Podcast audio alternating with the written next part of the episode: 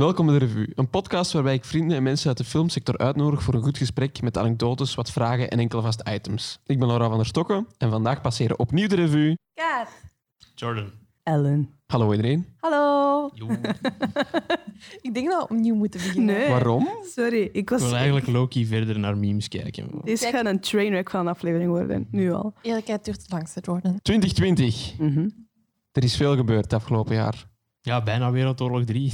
Ah nee, dat was Dat, dat, was al, jaar, dat is al 2020. Ah ja, dat is al 20. Maar vorig jaar waarschijnlijk ook wel een paar keer. Maar, ja. Voilà, dat was, eh, dat was de aflevering. dat, was dat. Ehm, Kaat, hoe ben jij 2020 gestart op filmvlak? Op filmblak al Ja. werkend. Ik ben echt 1 januari bij hem erin gevlogen. Om 10 uur stond ik op mijn werk. Oké, En ja, dat, dat, dat was mijn start van het jaar. Dat was nogal intens. oké. Ja. waarom, welke werk, misschien voor de duidelijkheid, welke Ah. werk doet jij dat je op nieuwjaar op 10 uur moet je werk moet staan? Wel ja, het nieuws, eh, het nieuws blijft gaan. Hè. Dus ik werkte bij Brus op, eh, op 1 januari. Re- regie van het nieuws. Over de relletjes. Ja, de, de relletjes, dat zo gezegd geen relletjes waren, maar dat er wel 100, eh, 120 was, denk ik, mensen opgepakt zijn. Oh, 120. hopsakee. Ja. In heel Brussel. gewest Brussel. Maar dat is toch, allee, als ze zeggen, er is niks gebeurd, hè, maar wel tw- Ja. 150 mensen opgepakt Het is niet en 20 geëscaleerd. auto's in, eh, in brand Ja. gestoken. Maar al sinds hebben we nu één geunificeerde politiezone gehad voor die avond. Ja, dus, het dat heeft hielp duidelijk wel. Dat is wel goed. Ja, ja, gewerkt, ja. Dus dat is... Hey, goed nieuws. Yay! L'union fait la force. En on that bombshell, Ellen, hoe, was, hoe is jouw 2020 gestart? Eh, op filmvlak Ja. eh, bedoelde wat ik gezien In de heb? ruimste zin van In de het woord. ruimste zin van het woord goed. Ik had mijn eigen voorgenomen om in 2020. ehm, de- mijn voornemen was om terug een keer iets te maken dat echt ging gemaakt worden. Dus niet alleen gewoon zitten schrijven en zonder, zonder resultaat. Dus ik ben nu mijn project bezig. Dat zal, zal straks wel eens aan bod komen. Ehm, en ik heb daar tot nu eigenlijk elke dag uren en uren aan bezig geweest. Dus tot nu toe, tot nu toe eh, ja, druk geweest, maar heel tof druk. Oké, fijn om te horen. Mhm. John, 2020. Ja, 2020. Bij mij eh, ja, is het jaar op het gemakski gestart. Ehm, ja, we zijn de film nog aan het afwerken. Hè. Oldborn, eh, waar we het voorbije jaar gezwoegd en gezweet voor hebben. Eh dus nu de laatste loodjes daarvoor. Ehm, dat zit er vooral dus aan te komen in het begin van het jaar, de afwerking daarvan. En voor de rest is het al een beetje aan het kijken naar, eh, ja, naar de volgende dingen op poten te zetten. Mhm. En jij, Laura? Eh, 2020 belooft het jaar te worden van Studio van der Stokken. Sinds eh, december eh, zijn we bezig in een, in een loods in Malle om een studioruimte in te richten met eh, alles erop en eraan, decorstok, lichtstok en een eh, kleine 400 vierkante meter studio. En hopelijk zijn we nu eind februari volledig operationeel. En kunnen we daar veel projecten draaien, maar ook eh, andere projecten verwelkomen hopelijk. Dus dat, eh, dat hebben we in het vooruitzicht. You heard it here first. Laurent zijn studio is te huur. Mail, mailen, mailen naar info. Info Laurent. at laurentvanderstokken.be. Exact. Wat was ons overzicht van 2019 qua films? Van wat dat wij goed vonden of wat dat wij hebben gemaakt. Nee, nee. Goed, wat we minder goed. Ja, Wat sprong er tussenuit? ja, die dingen. Ja, ik, ik wil direct aan praten over die film dat we deze week zijn gaan zien. Maar dat, Maar dat is niet jaar, 19. hè. Dat is al 2020. Ja. Maar op zich, het kan. Ja, die zit wel in de, in de running. Allee, de laten we het over hè. 1917 hebben. 1917. Ja. Mm. Ik vond dat een hele intense film. Mhm. Ik ben daar echt... Allee, ik was daar wel echt door, allee, niet door aangedaan, maar zo wel helemaal door... Je werd helemaal mee in die film. Mhm. Ik weet niet hoe dat je dat hebt ervaren. Ja, absoluut. Ja. Dat was echt zo een hele... Allee, En wel, intense- Zo, ja, je hebt dat bij oorlogsfilms, dat zo de grens tussen ja, waar is het een kritiek en waar is het een verheerlijking, dat Ja. die soms heel vaagjes is. Er is bijvoorbeeld, eh, je had een paar jaar terug Fury daar, met dingen met Shia LaBeouf en Brad Pitt, als ik me niet vergis. Waarvan dat ze ook zo in twijfel konden trekken van, eh, is, het- is het nu... Omdat het heel sensationeel gefilmd was natuurlijk, van ah, cool oorlog, maar toont natuurlijk ook de, de ja, moeilijkheden waar dat zij doorgaan. En dan vond ik nu bijvoorbeeld 1917 echt een goed voorbeeld van waar dat ze tonen hoe verschrikkelijk dat, dat echt is. Ja, hoe dat het echt was. Ja, Omdat hoe, het ook ehm, gewoon die real-time dingen is van... Kijk, dit is nu twee, twee uur was, denk ik. Mm. Echt twee uur hoe dat dat gewoon vooruit ging en wat Beleefd er ja. gebeurde. En, en Maar in dat opzicht niet helemaal, omdat het wel een heel uitzonderlijk verhaal is binnen dat gegeven. ja, dat wel. het is maar niet, het is de, wel... niet ja. de doorsnee Veldslag. ja, allee, of s- soldatenleven. hè. wel- Het is wel het, het, daar een het, het uitzondering rauwe in. en het echte wat dat je ziet in een oorlog. Hè? De Dat wel. lichamen en de, Dat de ervaringen dat je hebt. En dat, Maar ja, je voelt dan wel in de actiescènes of in, het, in de ja, iets spannendere momenten dat het daar het tempo wat opdrijft om eh, van naar een nieuwe plaats te gaan of eh, om Mhm. vooruit te gaan. Bijvoorbeeld dat ze daar in het begin in die, in die eh, ingegraven dat, bunker ja, zitten, zo bunker, gezegd. Hè. En ja. dan ja, dan stort iemand. Ja, kom, we moeten- verder. Hè. Maar het, het neemt... Het, het staat lang genoeg stil om u te tonen wat het moet tonen. Ja. De, de echte vieze dingen, zal ik maar zeggen. Eh, en, en, het, en het toont het ook heel expliciet. Hè. ja, En, het, en ook de hele tijd. Hè. Het blijft niet stilstaan. Hè. En dat, dat vind ik... ehm, ja, ah, ik vind, ik vind dat goed gedaan. Voor dat is het eerste dat ik mij afvroeg als de, de film startte, direct in de eerste twee seconden, van hoe gaan ze tempo in deze film gedaan hebben. Dat het, dat het eh, interessant, blijft. genoeg blijft, Ja. dat je ook niet dingen mist omdat het te snel gaat. Dat het, eh, niet, niet, ik vond het echt perfect. En zoals dat je zei, dat ze daar ook heel lang onderzoek naar hebben gedaan. Hè, van, alleen een heel... eh, vaak gerepeteerd hebben om te zien van oh, oké, misschien moet dat, die loopkracht hier een meter korter om net daar uit te komen. En, Ja, het, is, het is de vertaling van tijd naar ruimte. Omdat je choreografie letterlijk x aantal tijd in beslag neemt. En als je zin-dialoog dan op dat moment moet vallen, Dan moet, je daar ook fysiek vallen, in, in, die, allee, in die ruimte zitten.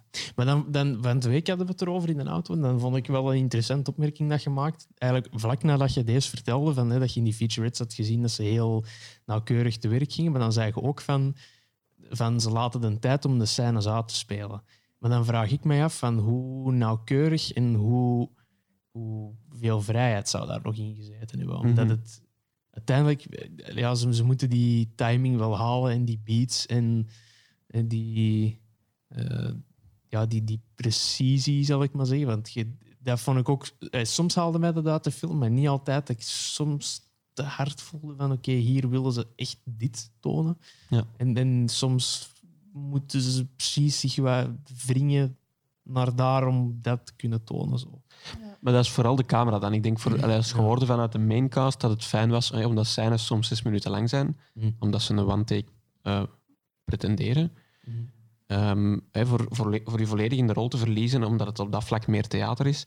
Maar ik denk, omdat de film net zo vooruit wilt en dat hun personages ook fysiek die ruimte moeten doorkruisen, Mhm. denk ik dat de, de fysieke afstand qua beats wel juist zit, maar dat wat daar dan tussen gebeurt, dat daar wel... Allee, je kunt stappen en iets totaal anders doen qua, qua Mhm. mim- mimiek, om nu Ja. maar iets te zeggen. Allee, ik denk Ja. dat daar wel vrijheid binnen zijn grenzen is dan of zo. Wat dat mij er wel soms uithaalde was dat je merkte, ah, hier hebben ze geknipt. Of dat je zo... In het begin had ik dat enorm zo, oké, ah, misschien zouden ze hier hebben... Ah, daar kunnen ze hebben geknipt. En dat, dat is dan ook weer onze beroepsvorming dat wij daar natuurlijk naar gaan zoeken. Hè? Ja. Dan- oh, waar hebben ze het gedaan? Ja, hier. maar dat is zo, te- tegen het einde van de film had ik dat veel minder. Maar in het begin Maar het is voelde ik dat ook wel ook echt, dat ik omdat we- op zoek ging. We, we, we zijn in de film gegaan wetende dat van het is een one-take, eh, boe, boe." Kei veel boe, boeha Ja, ja. daar rond. Ja, en dan gaat je eens te meer kijken als maker naar... Hoe hebben ze het gedaan?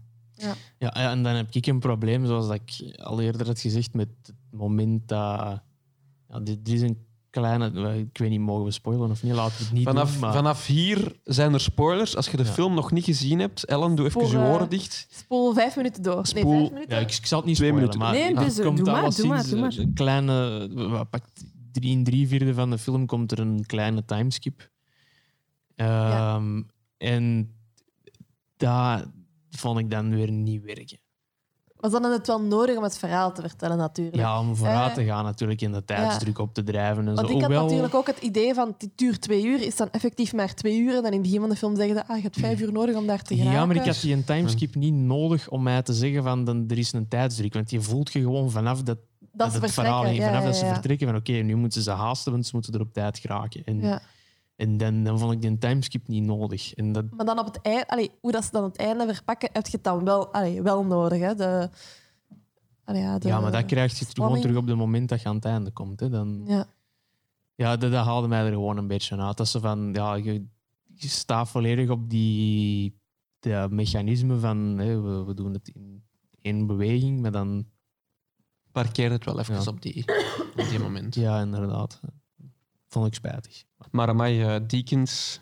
Oh, oh, oh, Die scène, de, er is een gegeven scène dat bijna volledig verlicht wordt door eh, flares. Flare, Ja. flare guns, ja. Ja, flare guns. Dat was echt geniaal. Hoe hebben ze dat eigenlijk verlicht? Hebben ze dat ook met echte Dus met vuurpijlen, maar die op een vast traject eh, hingen. Ja, ja, ja. Een soort kabel gespannen en daar... op die manier. Vandaar dat Ze hadden dat in de maquettes, ze Ja. hadden maquettes gemaakt van dat stadje. Ja. Ehm, en daar konden ze dan de licht, het lichtpad al voorbepalen om te zien van ah, de schaduwen gaan zo vallen. Op die moment willen we hem daar hebben, zodat hem daar net in of uit een schaduw gaat. Ja. En op die maquette, omdat ze met die lampjes hadden gekeken, hadden ze alvast bogen gezet met ijzerdraad langs welk pad ze dat gingen doen. En dan konden ze dat ook vertalen in, in het groot. En de brandende kerk. En de brandende Ah. kerk met 2000 kilowatt aan Ja. parkans. Maar het zou die kind niet zijn, moest hij geen rig maken met een overdreven aantal. eh, Hij had al een keer geoefend met Skyfall, met zijn... eh, denk dat dat daar ongeveer eh, 400 kilowatt was aan parkans. Het is toch altijd een beetje flexen. Hè? Gelijk zijn ringlight met dingen ook, met Blade Runner. Maar ja, voor de rest van de film is er, is er geen... Is het alleen natuurlijk, alleen natuurlijk licht gebruikt. Hè? Ja, dat kan ook niet anders als je in een one-take van zes minuten zit en ze moeten een weg afleggen van het ene punt naar het andere. Kunnen moeilijk wat gaan bijlichten. Hè? Dat is waar. Allee, dus het zou een uitdaging zijn, maar het- ik vind dat ook wel bij de stijl bijdraagt of zo. Dat het, is gewoon een bewolkte dag en dat trekken ze door. Ja, dat is dan. Want dan zou je denken, van, ja, verveelt een DOP zich daar niet, maar uiteindelijk dat is ook ja, een doorgedreven voorbereiding om dat allemaal die moment juist te krijgen. En ik denk dat hem ook zijn handen vol had met al die verschillende contrapties voor die camera stabiel te houden. En te gaan van jeeps naar kranen, naar cablecams, naar handgedragen stabilizers. Dus het is eh Mhm. ja, een orchestratie op zich daar. hè. Ja. Waar is dat eigenlijk gedraaid? Eh, een backlot, eh, maar ik weet niet in welke van buiten. Geen idee. Oh, in welk land? Engeland of Amerika waarschijnlijk, vermoed ik. Mhm, ja. ja, ja. Wordt hier al opgezocht door Google, man. Ze hebben een groot deel in Schotland gedraaid, Ah, ja. in Engeland Mhm. Een groot Eh, deel, dus dat is niet allemaal op één... Dat is echt zo te denken. eh, en in Shepperton Studios blijkbaar. Wat in Shepperton in, in Surrey in Engeland is. Ja, want we moeten dat hier maar eens proberen in België. Met ons wisselvallig weer altijd zo eh, een hele film laten draaien. hè.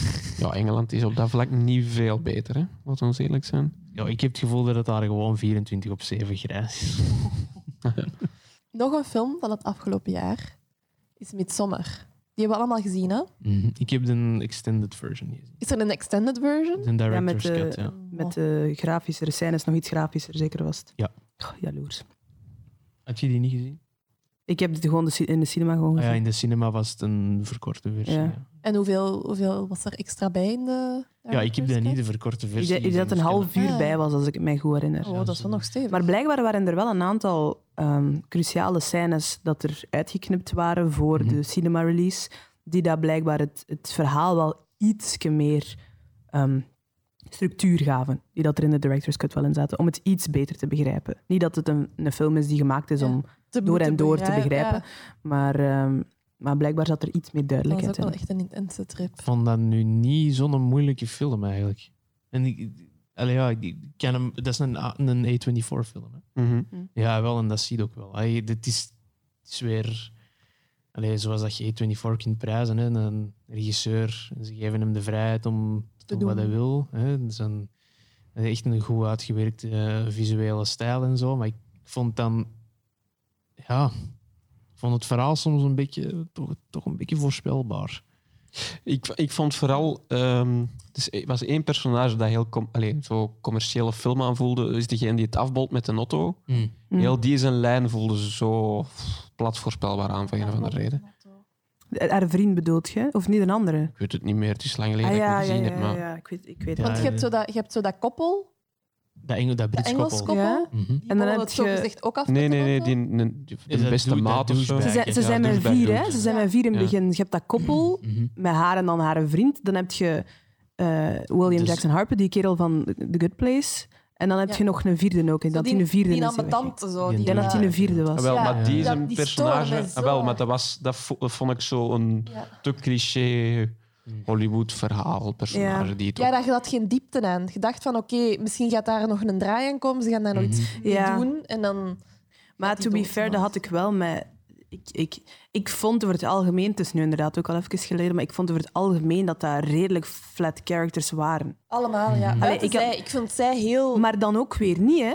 Anderzijds, want die was van in het begin al relatief ehm, defiant. En van in het begin al zo niet op haar mond gevallen, maar dan ook weer wel. En, dan, en, en je weet ook, als je van in het begin, vanaf scène 1, een personage introduceert met trauma, wat dat zo was, want ik denk dat de allereerste scène die 911-call van was.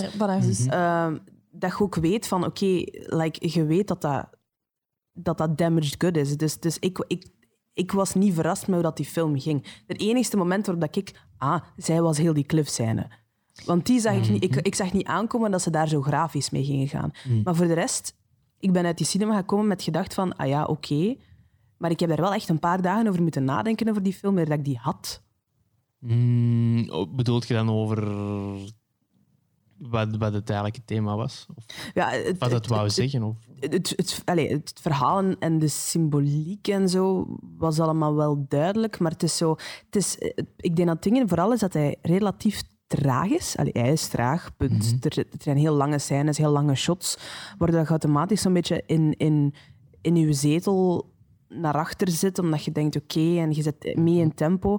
En dan beginnen ze bijvoorbeeld met die, met die, die cliffscène. En die cliffscène is heel snel gekut. Eh, allee, tot op dat moment dan dat dat gebeurt. En, en ze hebben heel goed gespeeld met je ritme, maar daardoor zitten ze nooit op je gemak. Omdat je altijd zo, ah ja, oké, terug traag, terug snel, terug traag. En het was zo, ah, ja, Ja, ik vond dat wel goed passen bij de ik- emotionele staat van het ik heb, hem, ik, heb hem, ik heb erover moeten nadenken. Dat is het vooral. Omdat ik hem niet zo goed had toen ik buiten ging. Ik vond dat er te veel personages waren. Dat sowieso. Dat was mijn probleem, denk ik. Want inderdaad, dan had hij een douchebag, dan had hij dat Brits koppel. Dat Brits koppel moest er gewoon al niet in zitten. Nee, zonder dat Eh, koppel had het ook al... Ja, en je hebt, je hebt zo heel dat gegeven van die vriendengroep. En dan, om het feit dat daar een vriendengroep is, heb ik weer zo het gevoel van: ah ja, oké, dan gaan die een voor hem beginnen verdwijnen. En dan gaan we er later achter komen dat er iets fucked up mee gebeurd is. Want ik bedoel, die vibe je gewoon al direct van het begin. Mhm. Terwijl dat het verhaal gaat over ja, enerzijds inderdaad een meisje met trauma die niet weet hoe dat ze moet verwerken. En in, anderzijds een relatie die gedoemd is om te mislukken. Maar toont zo een beetje van beide. Hè. Toont eh, hoe dat zij omgaan met haar trauma, niet goed. Hè. En hoe dat hun relatie uiteenvalt. Maar toont niet genoeg van de twee, had ik het gevoel. Ja, dat was een heel, heel goed... Kies voor het een of kies ja. voor het ander, of gaat er Of- iets dieper in. Maar... werkt ze allebei dieper uit in plaats van al die andere personages nog die andere rollen te geven. Hey, ik geef het veel credit voor zijn. eh, zijn ik vond die, die, die hele ongemakkelijke trippie Oh. gegeven ook de hele Mm. tijd. Dat je de hele tijd blijft voelen en zien. Zo ook. dat heel ongemakkelijke, zo van... En dat oeh. stopt Ja. niet vanaf dat ze daar komen. Hè. Ook, ook dat, die vervormingen Ja, dat de hele ja, ja. tijd in beeld zijn, vind ik echt super top en zo. Maar als het dan echt aankomt op het verhaal, heb ik iets van. ah, Ik voelde zo wat hetzelfde bij die film als bij Mother. Bij Mother had ik ook wel zo dat... beetje dezelfde, ook de, En bij dezelfde Midsommar had ik ook gedachte. zo dat gevoel. Maar daar, daar kwam bij mm, Mother, had ik het gevoel, kwam dat meer uit het spel en een opzet van eh, de, de mise en scène en zo. Ja. De, de manier hoe dat. Modder raakte dieper, denk ik. Het verhaal door- was daar ook was wel u- goed genoeg uitgewerkt daarvoor, voor vond ik bij Mother. Want Maar- ik vond het verhaal, het feit van dat er vreemden in je huis zijn en dat je die niet buiten krijgt, dat, Mhm. dat kwam goed over, omdat je dan hetzelfde gevoel en on- kreeg. vooral onmacht. Ja, Van, er gebeurt een hele tijd van alles. En traditioneel, als kijker, root je voor het hoofdpersonage om een tegenreactie te hebben. En het hoofdpersonage wil dat, maar kan dat niet, omdat alles tegen haar keert. En dat, dat maakt dat zo frustrerend om naar die film te kijken. Maar dan bijvoorbeeld bij deze had ik zo Het was meer de ongemakkelijkheid van de locatie en dan eerder de van hoe situatie. dat het gefilmd was en zo die bizarre dingen dat ze mee... Maar bijvoorbeeld die hele community met zomaar had ik het gevoel van... Ja, oké, dus your average crazy people.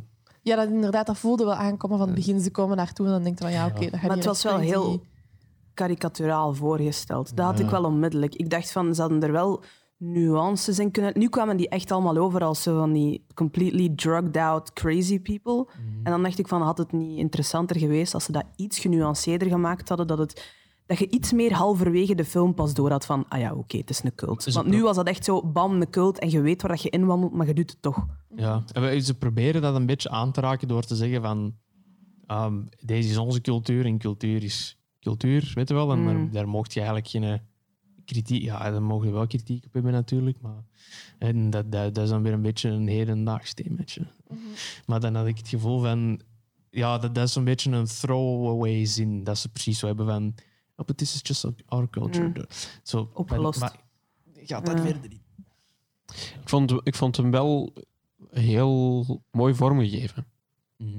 Cinematografisch bedoelt je? Ja, maar ook de, de beeldtaal van de Ja. secte of van de cultuur Mhm. vond ik wel af. Afgewerkt, niet Ja. klopt. eh, ja. Ja, dat was wel, daar hadden ze goed over nagedacht en dat zat wel goed in elkaar. Maar het is bijna 100% gebaseerd Ja. op eh, Noorse pagan. Mhm. culture. Ja. Ja. Dus, ze hebben hun research goed gedaan, Ja. laten we het zo zeggen. Ja, ik had het, eh, nadat ik hem gezien had, had ik het script gevonden om te lezen, omdat ik dacht van, misschien heb ik iets gemist en, en ga ik het gewoon beter merken als ik het las. Maar ik vond het zo... de- het- hetzelfde dat ik eigenlijk had toen ik ernaar keek, was eigenlijk toen ik het las van, als je deze afgeeft aan, aan een, een scenarist die volgens de klassieke structuren en zo, gelijk dat begin, tot, tot op het moment dat ze tot, aan, tot echt toekomen daar en aan die cult en binnenkomen, zijn al denk ik een half uur verder, of het scheelt echt niet veel. En alle scènes dat daarvoor zitten, behalve die scène van die 911-call, is aan zich, aan zich, is dat totaal niet nodig. Want dat is informatie dat je, terwijl ze daar zijn, nog tien keer opnieuw krijgt. Het feit dat zij getraumatiseerd is, het feit dat zij, dat, dat zij eigenlijk niet uitgenodigd was, maar haar eigen wat uitgenodigd had. Het feit dat die gasten die, die thesis aan het schrijven zijn enzovoort. En dat was zo allemaal echt zo met die, met die scènes daar in die zetel. En dat is zo'n scène die zo heel lang duurt. En, en ik denk dat dat voor mij al wat ding was, dat ik daar zo al een beetje afgehaakt was, omdat dat heel lang duurt dat je tot de point geraakt. En dan, allee, volgens, volgens klassieke scenario-leer moet je zo rap mogelijk in en uit je verhaal zijn. En, en dat, dat is wat mij in het begin al zo... Allee, niet per se tegen de borst stoot of zo, maar dat ik wel dacht van oké, is- het gaat, gaat zo'n film zijn. Het is voor mij ergens wel een niet zo memorabel verhaal. Ik weet dat ik al op het moment heel goed vond, maar ik vond zo...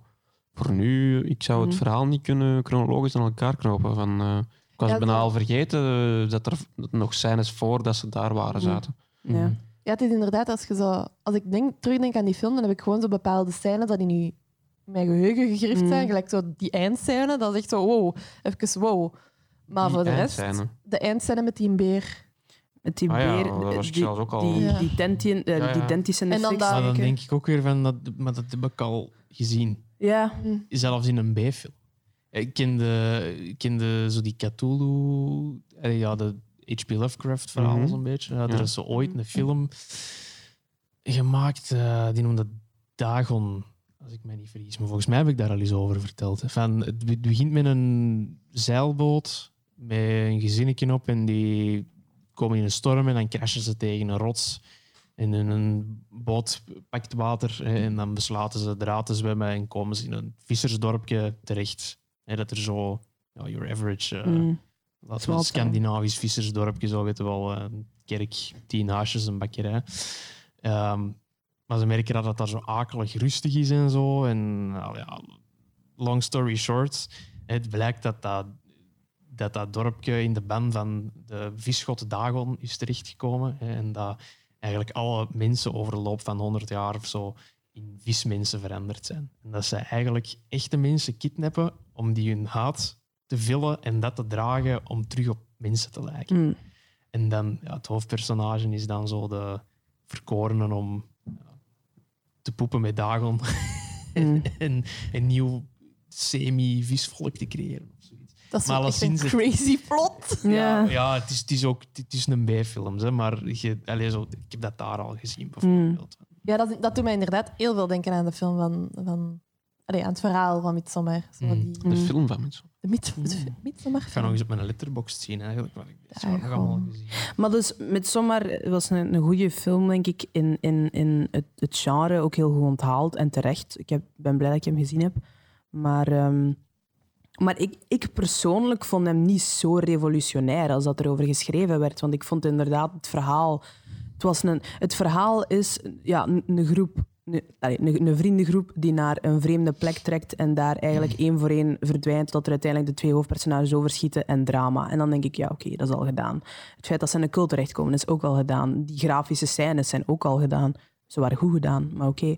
Eh, Het is daarom dat ik mij echt afvraag wat dat er in de director's cut nog bij zit. Ja, ja ik, ik, ik heb het toen destijds opgezocht, want ik heb toen nog gezegd van ah, we hadden eigenlijk de director's cut moeten zien, dan was, het, dan was dit logischer geweest. Maar ik weet begot niet meer wat het de scènes waren die dat anders maakten.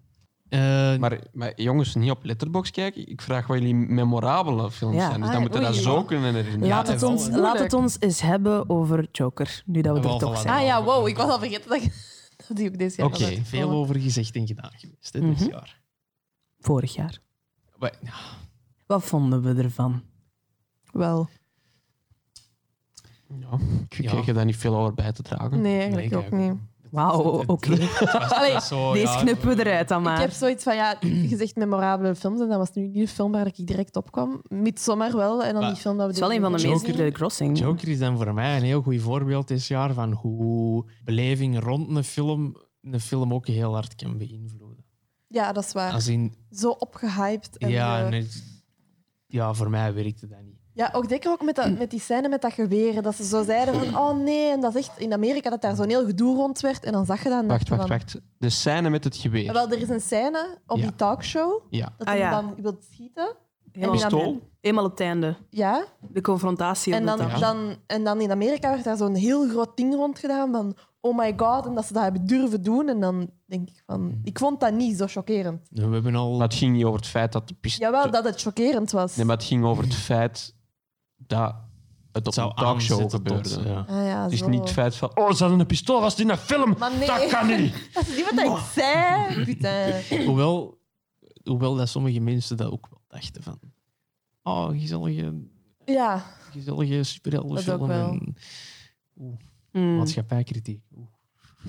Nee, maar allee, ik weet niet. Ik, ik vond het... eh, maar ja, ik vond het, ik vond het veel interessanter hoe dat de media probeerde deze te gebruiken als een excuus om te zeggen van... allee, om zo'n beetje conflict aan te stoken, dat er uiteindelijk helemaal niet gekomen is. eh, dan dat de film zelf eigenlijk interessant was. Ik vond hem op momenten zelfs eigenlijk een beetje cringy. Ja, Dus- verhaaltechnisch was het ook geen hoogstandje. Hè. Eh, het, was, het, was, het was een pure kuleshow. Hè. Het- Alles van op het einde was op voorhand ergens geïntroduceerd. Ehm, alles, alle, alle draadjes zijn uiteindelijk aan elkaar geknoopt. Like, ik, ik wist dat die film ging eindigen, een half uur erin. Mhm. Hij is dan bezig in die, talkshow. Je ziet dat, hij droomt ervan. Je weet, oké, hij gaat op die talkshow geraken. Je ziet dat hij dat pistool heeft. Je denkt, oké, zo gaat het eindigen. En ik Maar vond... is ik, het wel gebeurd? ik, Sterft hij niet gewoon op twee derde van de film en is de rest zijn... Maar dat is echt zo'n een, een cop-out. van, allee, ik bedoel, ja, maar dat, dat is een cop-out. Het, was gewoon- het was gewoon geen sterk verhaal. Sorry. Eh, dan, dan ga ik ervan uit... Ik heb, ik heb de andere Joker-films niet gezien, full disclosure, maar dan ga ik ervan uit dat de anderen wel iets meer inspeelden daarop. Ik, ik, ik, ik vond dat ze te hard hun best deden om in de eerste acte hem gigantisch sympathiek te maken, om dan te zeggen van, oh kijk, hij doet onsympathieke dingen, wat gaat je nu doen? En iedereen had zoiets van, ja, oké.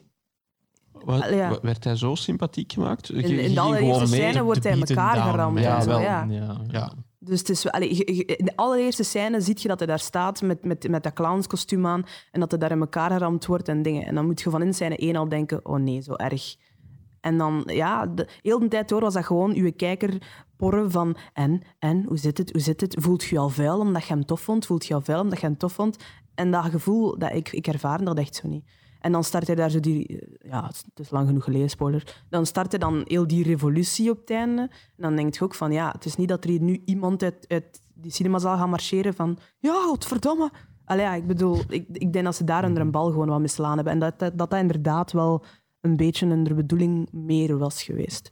En daarom dat de media dat misschien ook iets meer gepusht had. Misschien, ja. Waar, waar ik het over heb kan appreciëren, is dat toch wel heel veel mensen hier buiten zijn uit die film gekomen met van hey, ik vond deze goed. En om die mening te hebben over wat dat eigenlijk een comicboekfilm is, die op een redelijk laag budget gemaakt is, met meer aandacht voor scènes dan voor special effects en spektakel.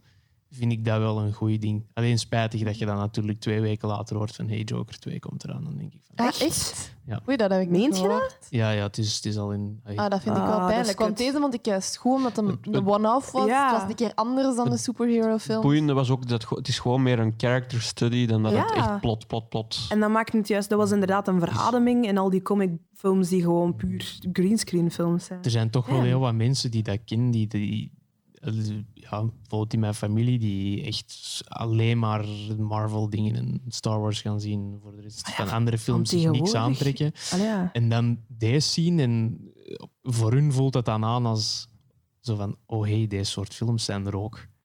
En dan hoop ik dat dat toch voor dat soort filmgaand publiek eh, misschien een oogopener is naar andere soorten Mhm. films. Hè. Ja, Marvel en DC, je kunt er niet naast kijken hè, van tegenwoordig. Oh, misschien, misschien ineens in combinatie daarmee. Dat, dat vind ik dan, ja, dat, dat is dan ook een van mijn highlights dat ik heb gezien. Hè, ehm, als we dan zo gaan van hè, eh, blockbusterfilm naar, naar character study, Marriage Story. Mhm. Dat vind ik heel fijn om eh, zo'n groot acteur als Adam Driver en Scarlett Johansson dan te zien in iets wat dat, wat dat puur, ja, twee mensen in één kamer en go at it. Hè. en daar heb ik enorm hard van genoten. Ja. Ik snap sommige kritieken dat ik hier en daar hoor of lees van ja, het koppel is te typisch en de ruzie is te herkenbaar. Er is niet echt iets dat hun onderscheidt van andere er, mensen die in zo'n situatie zitten. Maar ik denk dan van dat is ook niet echt nodig. Want ik vind het juist goed in zo de. Ja, hoe moet het zeggen? De explosiviteit ervan. En hoe hard dat acteurs zich geven. En, eh, ja, en het, het is, vind het ook wel op een creatieve manier getoond. Hè. Daar, eh, Laura en ik wij hadden het er al eens over. Over begin bijvoorbeeld. En over de brieven die voorgelezen worden, de voice-overs. Wat had je daar weer over gezegd? Nee, heel vaak wordt er gezegd van oh, een voice-over is cheaten. Ja. Maar in dit geval, omdat het... Je, je toont heel veel aan je kijker. Het is net de brieven die ze, die ze normaal niet te horen krijgen. En daardoor wordt het, het heel functioneel en ook heel... heel Ja, bent direct emotioneel betrokken. hè. Maar voor de mensen die het niet gezien hebben, het is, het is eigenlijk een koppel en ze hebben huwelijksproblemen en ze hebben elk naar elkaar een brief geschreven met wat ze wel appreciëren aan elkaar. En op een gegeven moment lezen ze die voor en de kijker krijgt die te horen, maar ze lezen die niet aan elkaar voor. Ja. En dat komt je dan, dat komt je dan te weten, vlak na, dat, na die voice-over. Dat vond ik al direct een heel sterk begin. Wat ik ook heel opvallend vond in die film, en dat, dat maakte het ook speciaal. Allee, Wat wij meestal leren is eh, in dialoog. Dialoog maakt je sterker door te spreken in subtekst. Door eigenlijk niet te zeggen wat je wilt zeggen. En in heel die film zegt iedereen wat ze willen zeggen, behalve de twee hoofdpersonages. Diegenen dus die een eigenlijke ruzie hebben, die spreken de hele tijd verbloemen de dingen of eh, zijn niet eerlijk over hun gevoelens. Over, eh, daar ontwikkelen ze op den duur wel naartoe natuurlijk. Maar eh, alle andere personages rondom hun, bijvoorbeeld advocaten waar ze gaan, die dan echt open en eerlijk zijn over oké, we gaan- nu weer afrippen en vergeet het maar, eh, dat, gaat hier op niks strikken. En, of dan dat komt er op een gegeven moment ook die filmset in, waar dat zo, dat is een beetje een inside joke naar de filmmakers dan natuurlijk, van, ja, waar dat er op een heel eerlijke manier wordt gezegd van, ja, ik weet niet meer of er grapjes dat maar Maar het is zo... In, in, in, enigszins is het, zijn het clichés van mensen dan, die mensen ronddoen, omdat ze zo zeggen wat, ze- wat ze menen. Maar anderzijds geloof je ook wel dat er zo mensen rondlopen. Net omdat ze zo spot-on ja. zijn. ehm, Ja. En, en eh, ik snap zeker als, als makers dan daar naar kijken, dat we het nog eens te meer snappen. Het gaat ook over een koppel ehm, actrice, regisseur. Mhm. Ja, dus dat is dan eens te meer herkenbaar in, in creatieve relaties of zo. Mhm.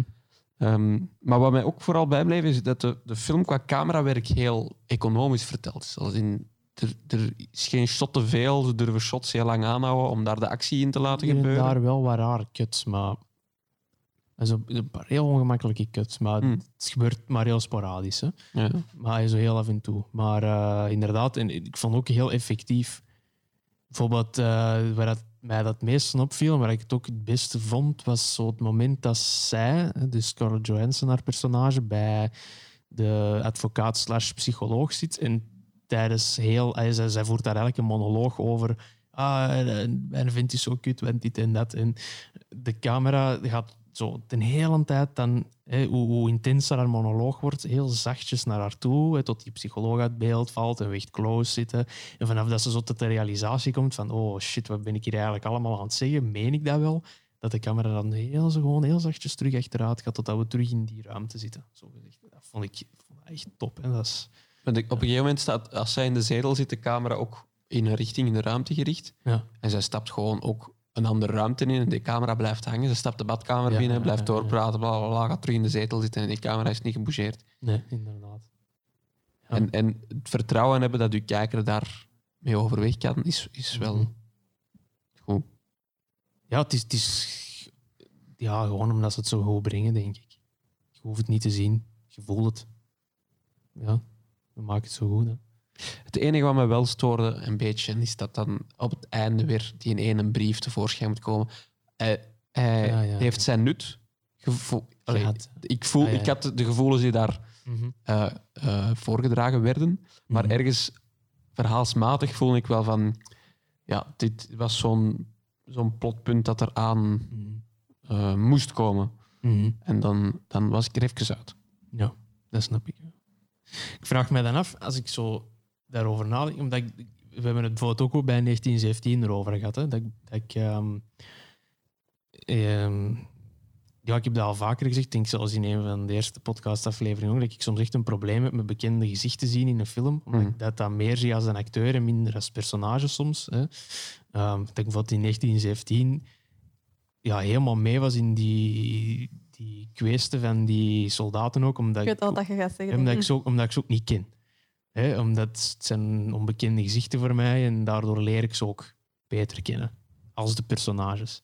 En dan, maar dan heb je bijvoorbeeld Marriage Story, waar dat dan twee blockbuster-acteurs zijn. Ik bedoel, Scarlett Johansson, nou, die, die hebben we al 15 jaar gezien of zo. En Adam Driver is nu eh, zo hot als maar zijn kan. Dus eh, letterlijk en figuurlijk. Hè. En dan, dan vraag ik me af, van, zou Marriage Story ook werken met onbekende acteurs? Ik denk dat wel, maar dan wel van het kaliber als... En die zijn er sowieso. Ja, ja, die zijn er. Maar ik vond het wel anders voor Scarlett, omdat zij nu voor een van de eerste keren een rol mag spelen die haar minder typecast dan gewoonlijk. Mhm.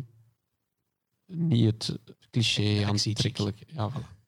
de aantrekkelijke Ja, want dat is een beetje wat dat de laatste jaren heeft gedaan. Hè? Spijtig genoeg. Voor haar. Allee, Ghost in. Shell was goed, hè? Ik ga niet zeggen dat het Mhm. geen goede film was, maar dan Ghost in Shell, Black Widow, allemaal wel zo die actie. eh, En ik denk dat Lost in Translation daar dan misschien een Maar dat is ook beetje al een tijd geleden. Hè? afwijkt. Maar eh, opnieuw is zij daar wel de, de love interest. Dus Ja. eh, Mhm. haakjes. Mhm. Ook wel, is speelt zij niet ook een actrice? Eh, Die dan- De vrouw van een fotograaf. Ja, die dan. Want ja. Die zelf zo wat de weg kwijt is. Ja. Ja. Want het is Bill Murray die de acteur is die de whisky commercial Ja, inderdaad. in Japan. Ehm, nee, dat, dat vroeg ik mij gewoon af. Van, zou dat even goed werken als je daar minder bekende acteurs in zet? Het was wel eh, een confrontatie om Marriage Story en dan de dag daarna de laatste Star Wars film. Adam Driver, Overdrive. El- Adam Driver Overdrive. Dat is, Patenteren, patenteren. ja, dat is zeker ook een hoog laagtepunt. De nieuwe Star Wars film. Ik vond ja. hem nog oké. Iedereen dat hem kei slecht was ik had zoiets van: Ja, oké. maar boy Kylo Ren. Ja. God zegent u. My boy Kylo Ren, they did him bad. ja. Look how they massacred my boy. Ja. Echt wel. nee, ik vind, hem, vind hem, e- ik vind hem echt goed, eh, Adam Driver. Ik zie hem altijd graag bezig. Heb je Patterson gezien? Nee, ik weet het. Die, ik weet niet, die film deed iets met mij toen. Ik kan me niet... Het is wel een po- poëtisch verhaal met minder verhalendrijvende elementen. Ik denk ook niet dat ik hem Mm. volledig snapte. Mhm. Maar hij, hij had veel momenten die mij Mm. overvielen. Eh, Ge- gevoelig eh, nootjes ergens in de ja, het, is zo, het, het kabbelt zo wat. maar het is fijn kabbelen. Ja, ja, ja. Fijn kabbelen. Dat een mooie beschrijving van de film. van Laurent van der Stokken. Fijn kabbelen. Nee, zo. Ik voel, ik voel een Adam Driver benchje aankomen ergens binnenkort. Van zodra het in een dingen uitkomt, hè, in een Belgische film. Allee, geen Belgische film. Die dat hij hier in Brussel gedraaid heeft vorige maanden. Welke? Adam Driver is in Brussel geweest. Hè. Die, heeft die heeft in Brussel gefilmd hè, de laatste paar maanden. Echt? Uh, huh? Ja, heb je dat legit niet gezien? Want die regisseur, zijn, dat die ah ja, die regisseur hond, zijn hond is weggelopen. En Adam Driver heeft daar nog een filmpje van geplaatst van hallo, we staan hier in het jubelpark en die hond is weg, help ons.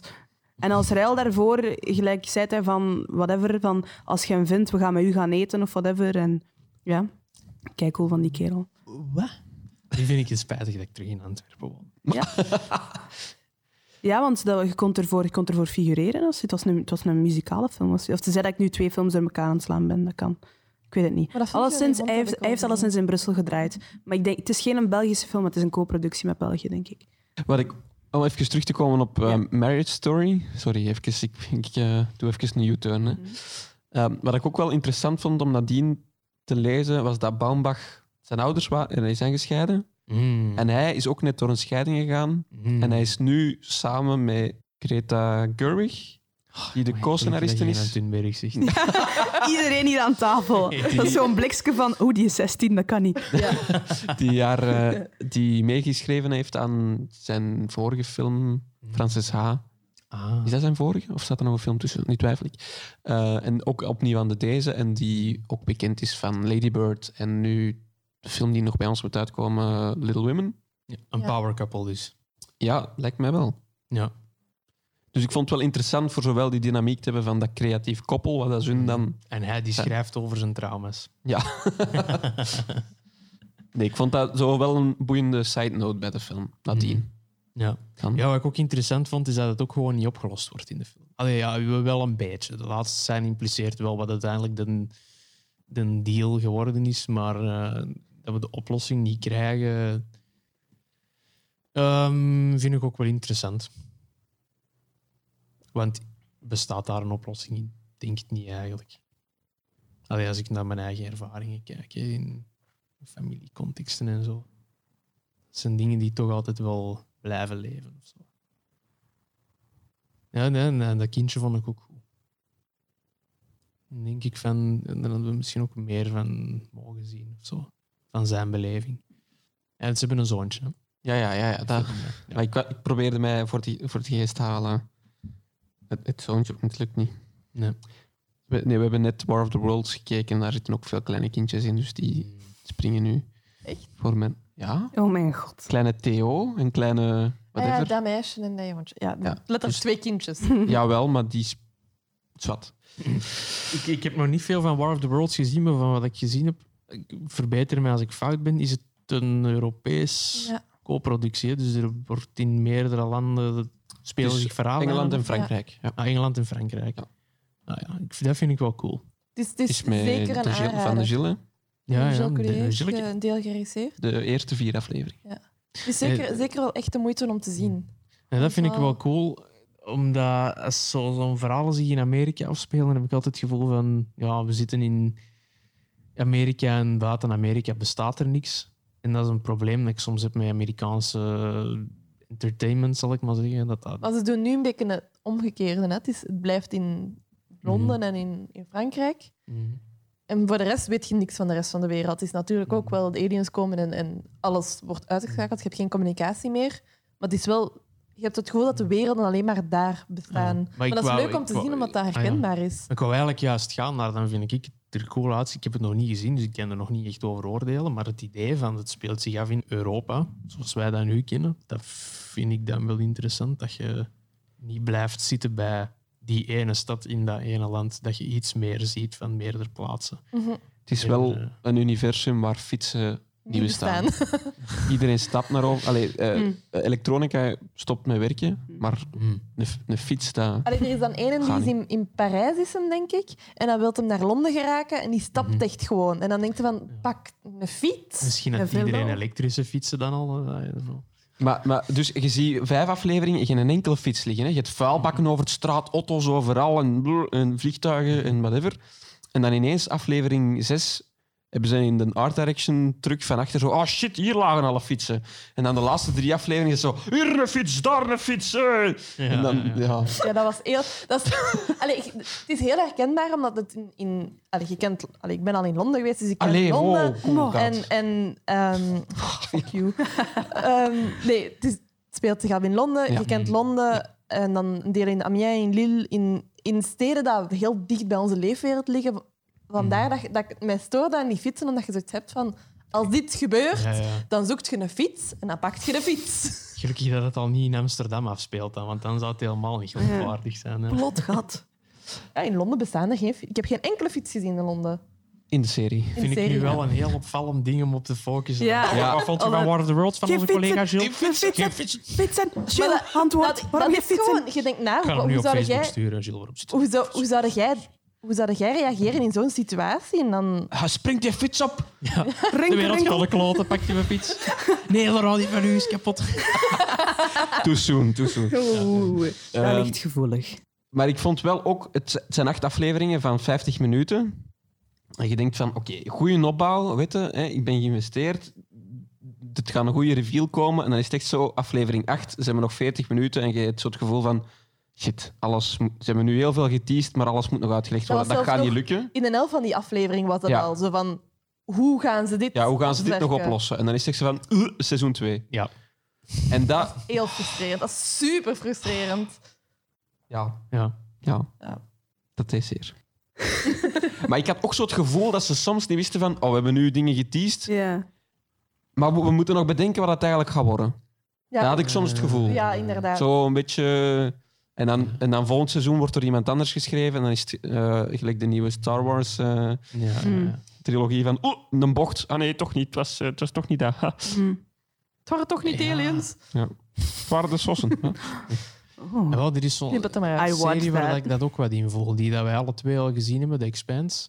Mhm. Ik ben iets verder. Al, ik denk dat ik al in seizoen 4 ben en jij in En 2 ik heb zat. twee eh, uitgezien. En daar was het. Ja, het staat nu op Ja, Amazon um, Prime. Hè? Oh ja, dat wordt ook zo geprezen als de nieuwe space opera van deze decennium. Hè. Voordien hadden we al... Stargate heeft heel lang de topper geweest. En Battlestar heeft die vlag even afgenomen. Nu zeggen ze... Hè, Star Trek heeft dat ook gehad in eh, wat is de jaren eh, 60, 70.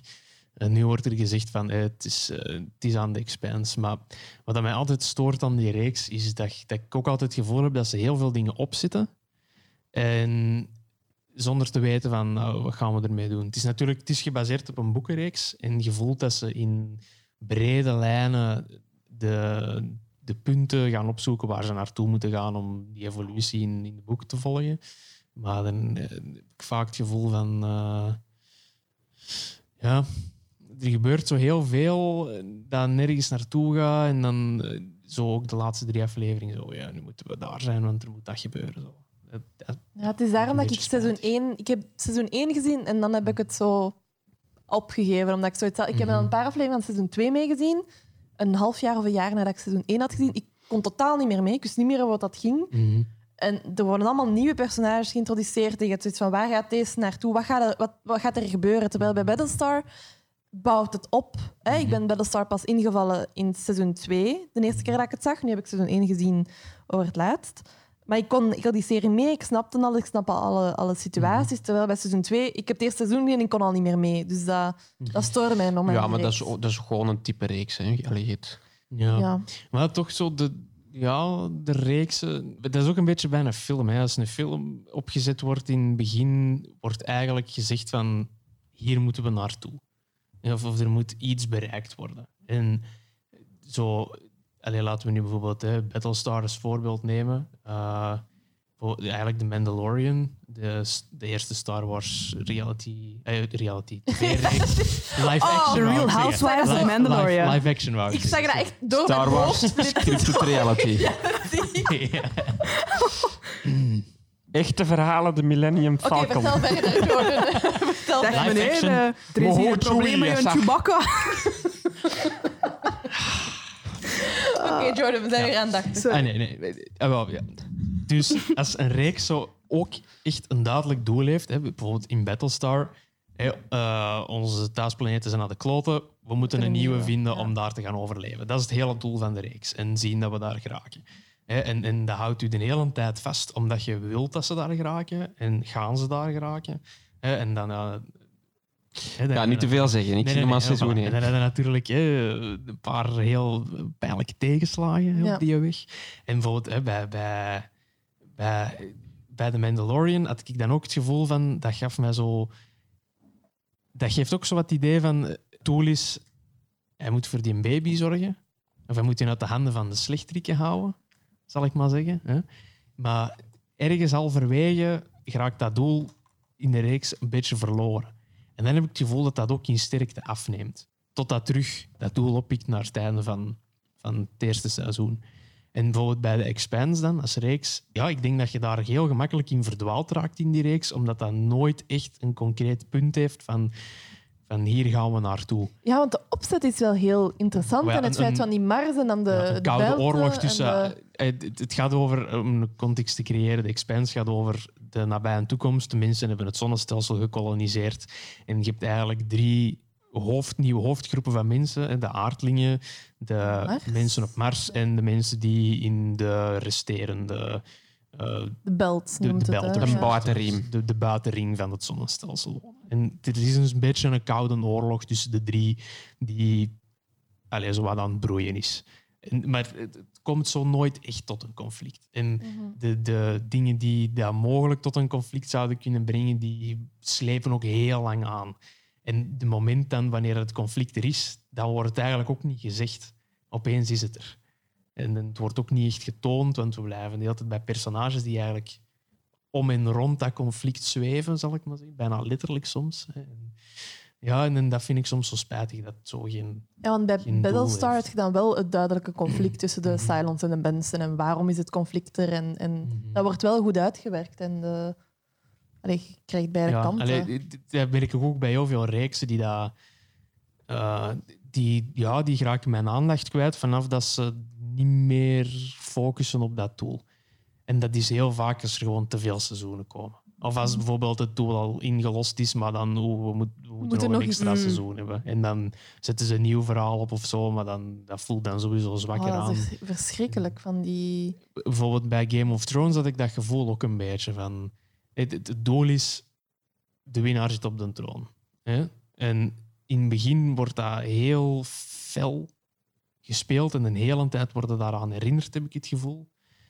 Eh, en ik vind dat dat meer en meer afzwakt naar Ja, op het einde was dat bijna niet meer echt van belang. Wie zit er nu op een troon? Mhm. Ah, Dat zit iemand op de troon, vermoorden ze zijn. en dan is de, de Ja. volgende. Ah, ja, dat, dat maakte precies niet meer heel veel uit op het einde. En zeker ook, dat was met die... Ik, ken, ik heb de serie niet volledig gezien, hè, maar ik heb het laatste seizoen gezien. Zo de opbouw naar die van de... Die dat aan de wal wonen. Die. De White Walkers. De White Walkers, ja. Dat was zo'n hele opbouw en dan gaat hij dood en dan denkt je...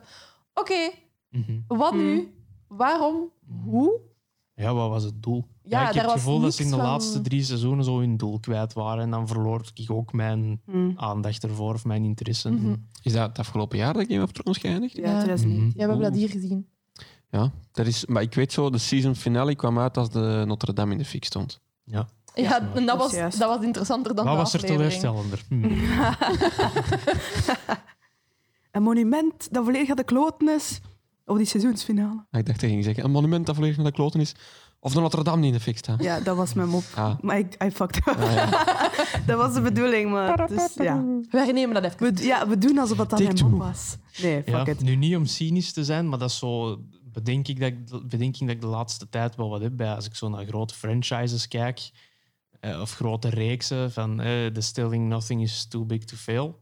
Ja, als we kijken naar bijvoorbeeld de sequel trilogy van Star Wars, dat toch een beetje een teleurstellende Mm. noot geëindigd is. Eh, Game of Thrones, dat na zoveel jaren opbouw eigenlijk de bal heeft laten vallen. En eh, ja, allee, de- laten we zeggen, voor de nieuwe phases van Marvel ziet het er ook naar uit van, allee, kunnen we niet gewoon stoppen op een goed moment, weet je wel, op, op het hoogtepunt moeten we echt nog doorgaan. En, Een beetje gelijk als je nu... Een serie van afgelopen jaar dat wel heel goed was, was Chernobyl. Mm. Dat was een serie, die serie was er, die was gedaan en het is gedaan. En je weet dat daar niet Wat- tweede seizoen Dat is een mini-reeks ja, natuurlijk. Hè. Maar de, de vraag dat ik mij Ja. dan stel is van, gaan er nog grote franchises komen die dat ons zo weten te grijpen. Zoals, ja, zoals Game of Zoals Thrones, die Star dingen dat, Wars. dat zijn geweest. Ma- Want Marvel is ook wat aan het uitdoen, vind ik. Ik vind nu met een endgame dat je zoiets hebt van... Oké, de volgende film die nog gaan komen, oké, je gaat daar naar kijken, maar dat was minder zo die hype en die... Ja, ze hebben het Ja. zelf ook natuurlijk aangedaan door in in die noek te schrijven. Hè. Ja, dat is waar, maar ze hadden, ze hadden het ook wel nodig. Ze moesten daar iets Ja, opbouwen. maar ja, nu, nu gaan ze daar sowieso gewoon uitfaken. Hè. Ja. Ah, het is niet waar. Of oh, andere dimensie. Of ah. En Ja, want ze, hebben nu allee, gewoon... Allee, bijvoorbeeld Guardians of the Galaxy komt er ook een nieuwe film uit, Mhm. dat dan zo een vervolg is op en dan denkt je van, ja, voor wat gaan ze het nog maken? ja. Oké, ze hebben wel wat dingen opgezet, maar Maar nu gaat je gewoon dingen kijken omdat je de personages interessant Voilà. vindt. Hè? Want de nieuwe Spider-Man heb ik dan ook gezien, omdat ik dat legit nu wel echt een toffe Spider-Man vind. ja, ja, ja. Eh, dat was ook wel Andrew nog een Garfield toffe vond ik film. echt niks, maar dat was ook een toffe film. Oh, Andrew Garfield was echt... En bijvoorbeeld de nieuwe Doctor Strange wil ik ook wel graag zien, omdat ik Ja. dat een interessant personage vind. En Cumberbatch zie ik ook altijd wel graag acteren. Dus Buiten in 1917, dat haalde mij er echt uit. Die kwam in beeld en ik dacht, oh, wat? wel een coole stash. nee, ja, dan, dan, ja, ik weet niet, franchises. Ik vraag mij gewoon af of dat, ja, dat het zo, dat mensen niet de magie een beetje er kwijt van zijn, omdat er zo op echt één jaar wel weer behoorlijk wat teleurstellingen of teleurstellende payoffs zijn geweest. eh. Daarover, ik had er juist nog eens opgezocht. Wacht, hè. even dubbel checken. Eh, technisch, gezien, technisch gezien, de top 10 grossing films, dus de top 10 box office van 2019, zit er geen enkel originele film bij. Het zijn oftewel remakes oftewel sequels. Geen Kun je eens opnoemen? Dus eh, van 10 naar 1 of van 1 naar 10? Van 10 naar 1, dan houden we het Dus spannend. Hobbs and Shaw, dat is van ehm, Fast and Furious, Mhm. een spin-off. Eh, Star Wars Rise of Skywalker. Aladdin, dus een remake van Disney. Joker. Mhm. Toy Story 4. Captain Marvel. Spider-Man Far From Home. Frozen 2. Lion King en Endgame van Avengers. Frozen. Ja. Dus qua, qua landschap... Allee, 7 van de 10 zijn Disney. Eh, dan heb je Spider-Man, dat, is zo, dat is Sony, maar dat is ook een, ja, dat is een, een veldslag geweest, maar dat is ook een stuk Disney. En dan heb je Joker nog en die eh, ja, Universal van, van, Ja. van Hobbs and Shaw. Die zijn highest grossing omdat dat zo. Weet je wel, dat, dat is, dat is, Iedereen gaat daar gewoon dat naar is de, kijken. de speelplaats praten. Weet je wel. Hoe je dat hebt gezien. Maar dat, dat, dat, gezien, dat is het, het, het punt waar jij over bezig was daar juist. hè. Dat is juist het punt. Hè. Dat, is, dat, is, dat, is- dat Ja, zijn, wel, dat zijn maar- maar- middelmatige films. het merendeel daarvan zijn middelmatige films. Maar Tot waar kunnen mensen die teleurstelling aannemen om daar naartoe te blijven gaan? Weet je wel, van, allee, dat, is, dat is bijna een beetje een Stockholm-syndroom. Zo van, ah ja, we, moeten, Mm. we moeten het gaan Ja. kijken, want anders kunnen we niet mee zijn. Ja. Maar hoe vaak willen we nog...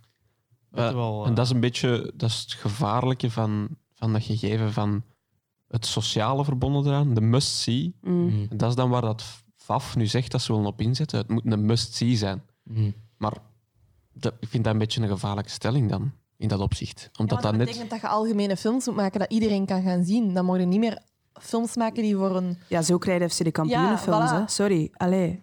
Je, je maakt familiefilms die, die gewoon accessible zijn kunnen voor iedereen. worden door iedereen. Zodat er zowel kinderen naar komen als bomma's als ouders, gewoon om die verkoopcijfers naar omhoog te krijgen. Allee, ja. Oh ja, en FC de kampioenen 4 is dat schijnt... allee, De, de reacties van het algemeen publiek zouden een beetje... eh, Maar het is nog altijd de meest bekeken van... Hm? Ja, ja, meest bekeken versies, weet je wel. Veel mensen Ja, zijn ook naar Rise of Skywalker gaan kijken om te zien of ze nu teleurgesteld gingen zijn of Mhm. niet, weet je wel. Ja. En de meeste mensen zijn het wel. Over FC de kampioenen gesproken. Laat ons misschien eens nadenken welke Vlaamse films wij in 19 hebben gezien. Godverdomme. Ik ga eens opzoeken welke Vlaamse films we gehad hebben. Torpedo? Torpedo. Ja, Torpedo ben ik gaan zien. Ellen, heb jij Torpedo gezien? Nee. Oké. Ik ging naar de script to screen gaan, maar ik kon niet die dag. Eh, dus... En Helaas. Last of Us hebben wij wel gezien, daar werd je bij. hè? All of All Us. of Us, de All Last of Last Us. of Us. dat is een Ja. All of Us eh, de- hebben wij gezien op het filmfestival, maar die is Ja. nog niet uit. Die Jawel, pas... die is nu uit. Nu? Die is net uit, Ja, ja. ja, ja. Maar ja, dus moet ik technisch gezien 19, maar we hebben hem wel in 19 All of Us van Willem Wallijn. Hebben we daar iets over te zeggen? Wat mij betreft, ik ben blij dat ik hem gezien heb. Ik vond hem... Hij werd op voorhand heel hard gepresenteerd als zo'n tearjerker en zo. Ik, ik zat er niet genoeg in, to be fair. Het was ook geen film die voorbij gemaakt is. Ehm, het was een film voor mensen die... Want de leeftijdscategorie lag een stuk hoger van de personages en zo. Dus het was wel een film voor...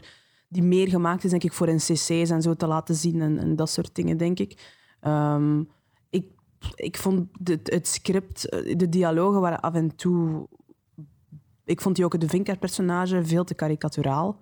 Uh, Joke de Vink kan heel goed spelen, maar ik vond het niet, niet zo spectaculair hierin, maar dat lag aan haar script. Um, en ja, weet je, allez, spoilergewijs, oké, tot daar aan toe. Maar ja, je weet als je een, een, film maakt over mensen die kanker hebben, dan weet je wel dat er op een bepaald moment wel een keer ene van tussen zal vallen. Hm. Um, en het was, het was wel een mooi... Allez, ik ga er wel positieve dingen over zeggen. Het was een mooie afwisseling tussen heel zwaar en heel luchtig. Ja, wel, weet je heel goed. Heel goed dan. Uh, ja. Van wie is dat weer? Van Willem Wallijn. Ik heb het, ah, Willem Wallijn. Ja. Ik heb het nog niet gezien, trouwens. Ja. Uh, maar het is, voor, allee, het is wel een aanrader om gezien mhm. te hebben, want het was wel, ik vond het wel een van de sterkere film, Vlaamse films. Mm. Ja, ik vond hem net, net door zijn... Oké, okay, het is een kankerfilm. Ja. Maar ja, maar ik bedoel, bedoel ja, het is een kankerfilm. Het is een kankerfilm. nee, maar het, het snijdt een heel uh, relevant onderwerp aan, denk ik. Mm -hmm. um, Altijd, ja het, het, het schuwt niet de, de, de diepe dalen, maar ook niet de, de, de humor in die situaties. Hmm. En ik vond het, ik vond het een goeie, op dat opzicht een goede gebalanceerde film. Dan moet ik wat denken aan die film van Nick Balthazar, tot altijd. Over, uh, nee, over die man die. Uh, ja, ja, ja. Ik, um, ja. Oh, ik weet niet meer welke ziekte dat hem heeft. ALS, denk ik. En hij wil dan euthanasie. Allee, de hele vraag van de film is: gaat hem euthanasie plegen of niet? En zo ja, hoe verwerkt de familie dat? En daar bouwt heel de film naar op.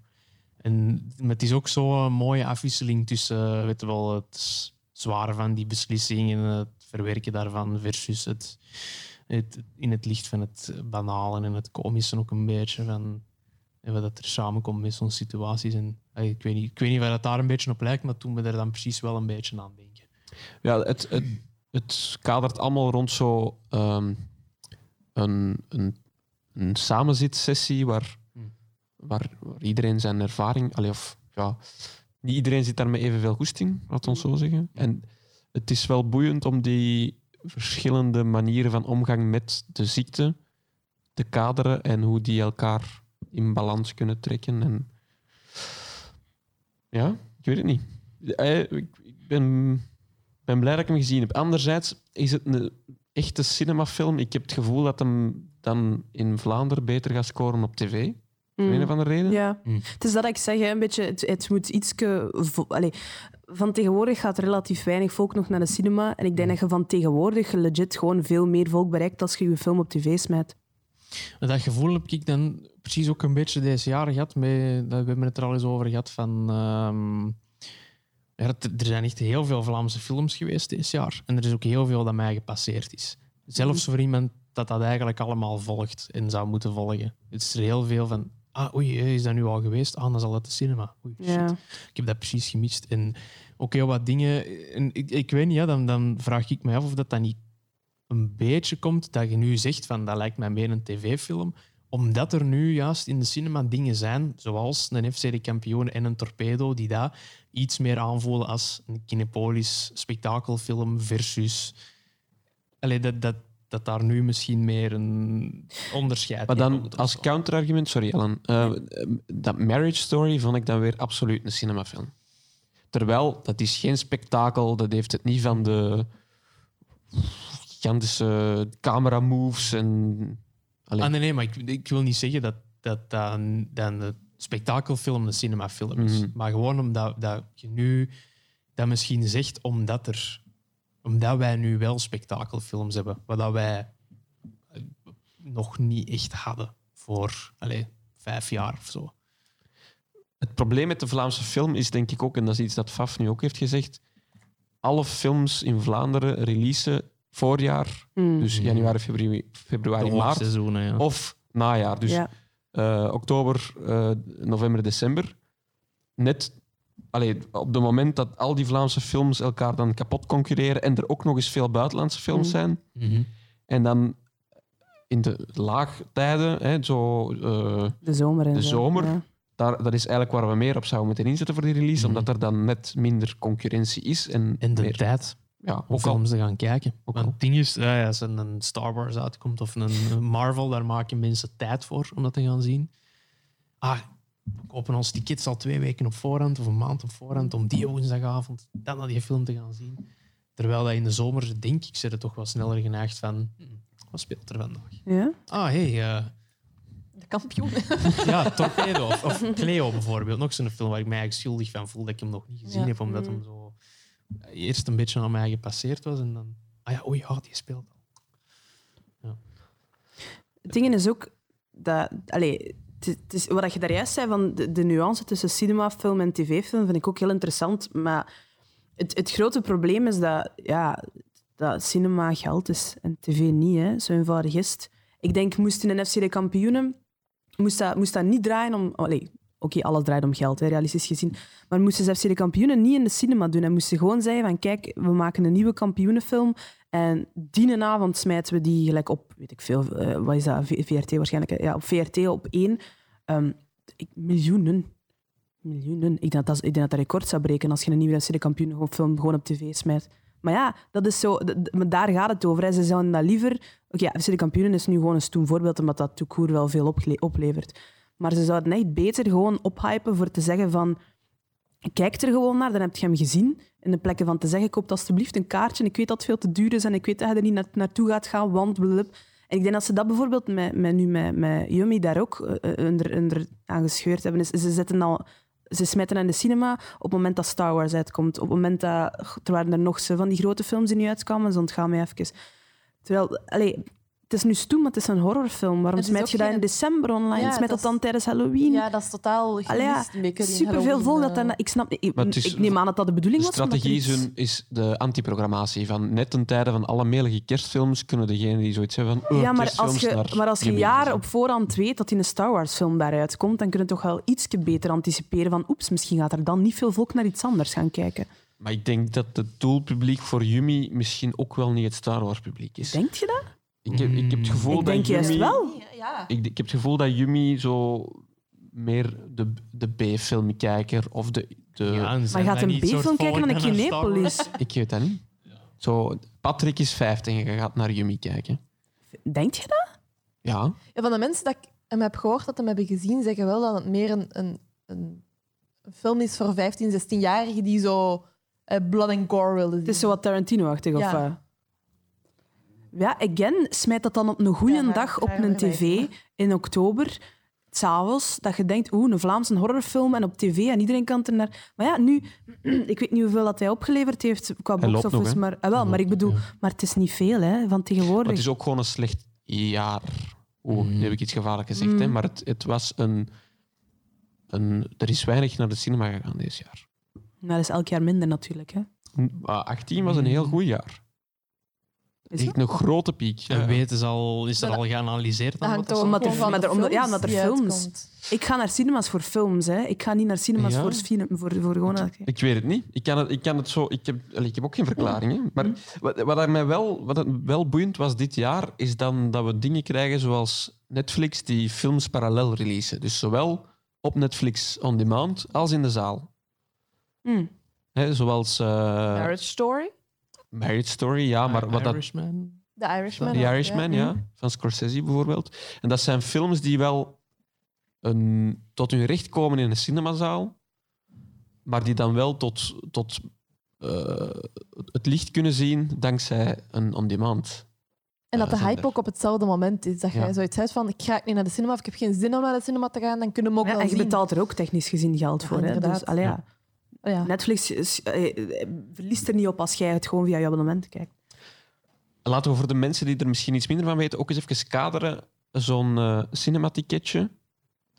Ehm, hè, mensen denken van, oh, qua auteursrechten, daar gaat een deel van naar de regisseur en de scenarist. Hm. Dat is dus niet waar. Ja, Eh, juist hetzelfde met streaming online. Hè? Ja, maar wacht, nee, daar is een andere stap. Maar hè, de Unie van de Regisseurs heeft daar onlangs een uh, samenkomstmoment over gehouden.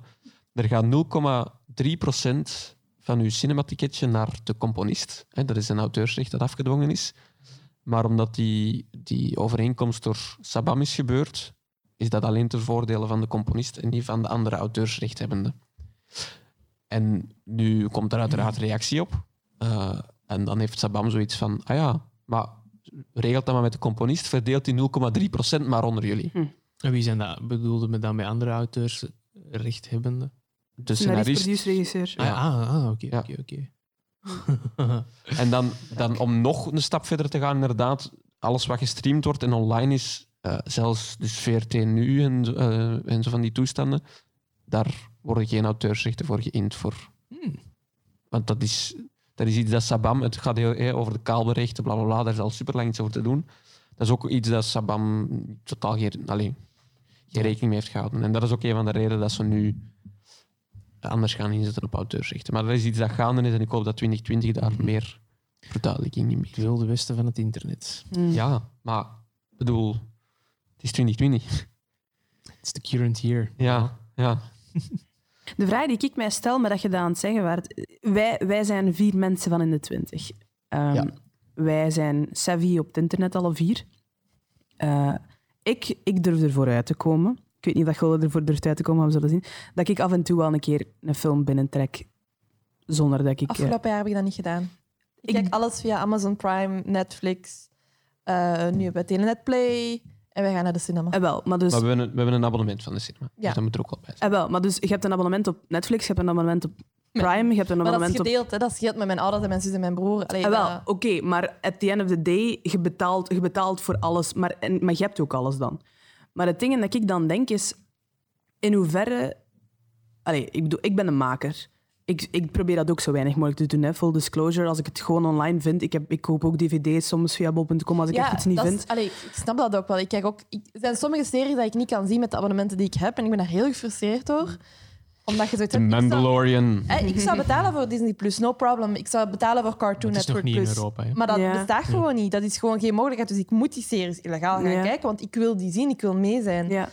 En dat frustreert En dus de, de, me. Ik mijn- snap dat volledig. Dat Mijn, kan. mijn vraag is dan eh, aan zich in hoeverre voelt. Want wij zijn nu een beetje bevoordeeld, want, bevooroordeeld, want wij eh, we zijn makers. Maar in hoeverre voelt een twintiger of iemand van onze generatie zich schuldig over piraten? Hmm. Ik denk nu. Veel Maar het wordt sowieso minder gedaan als vroeger. En het, het, het, het wordt minder gedaan, deels omwille van het feit dat de overheid daar nu ook wel een beetje op aan het cracken is. Maar het is nog altijd heel gemakkelijk te doen.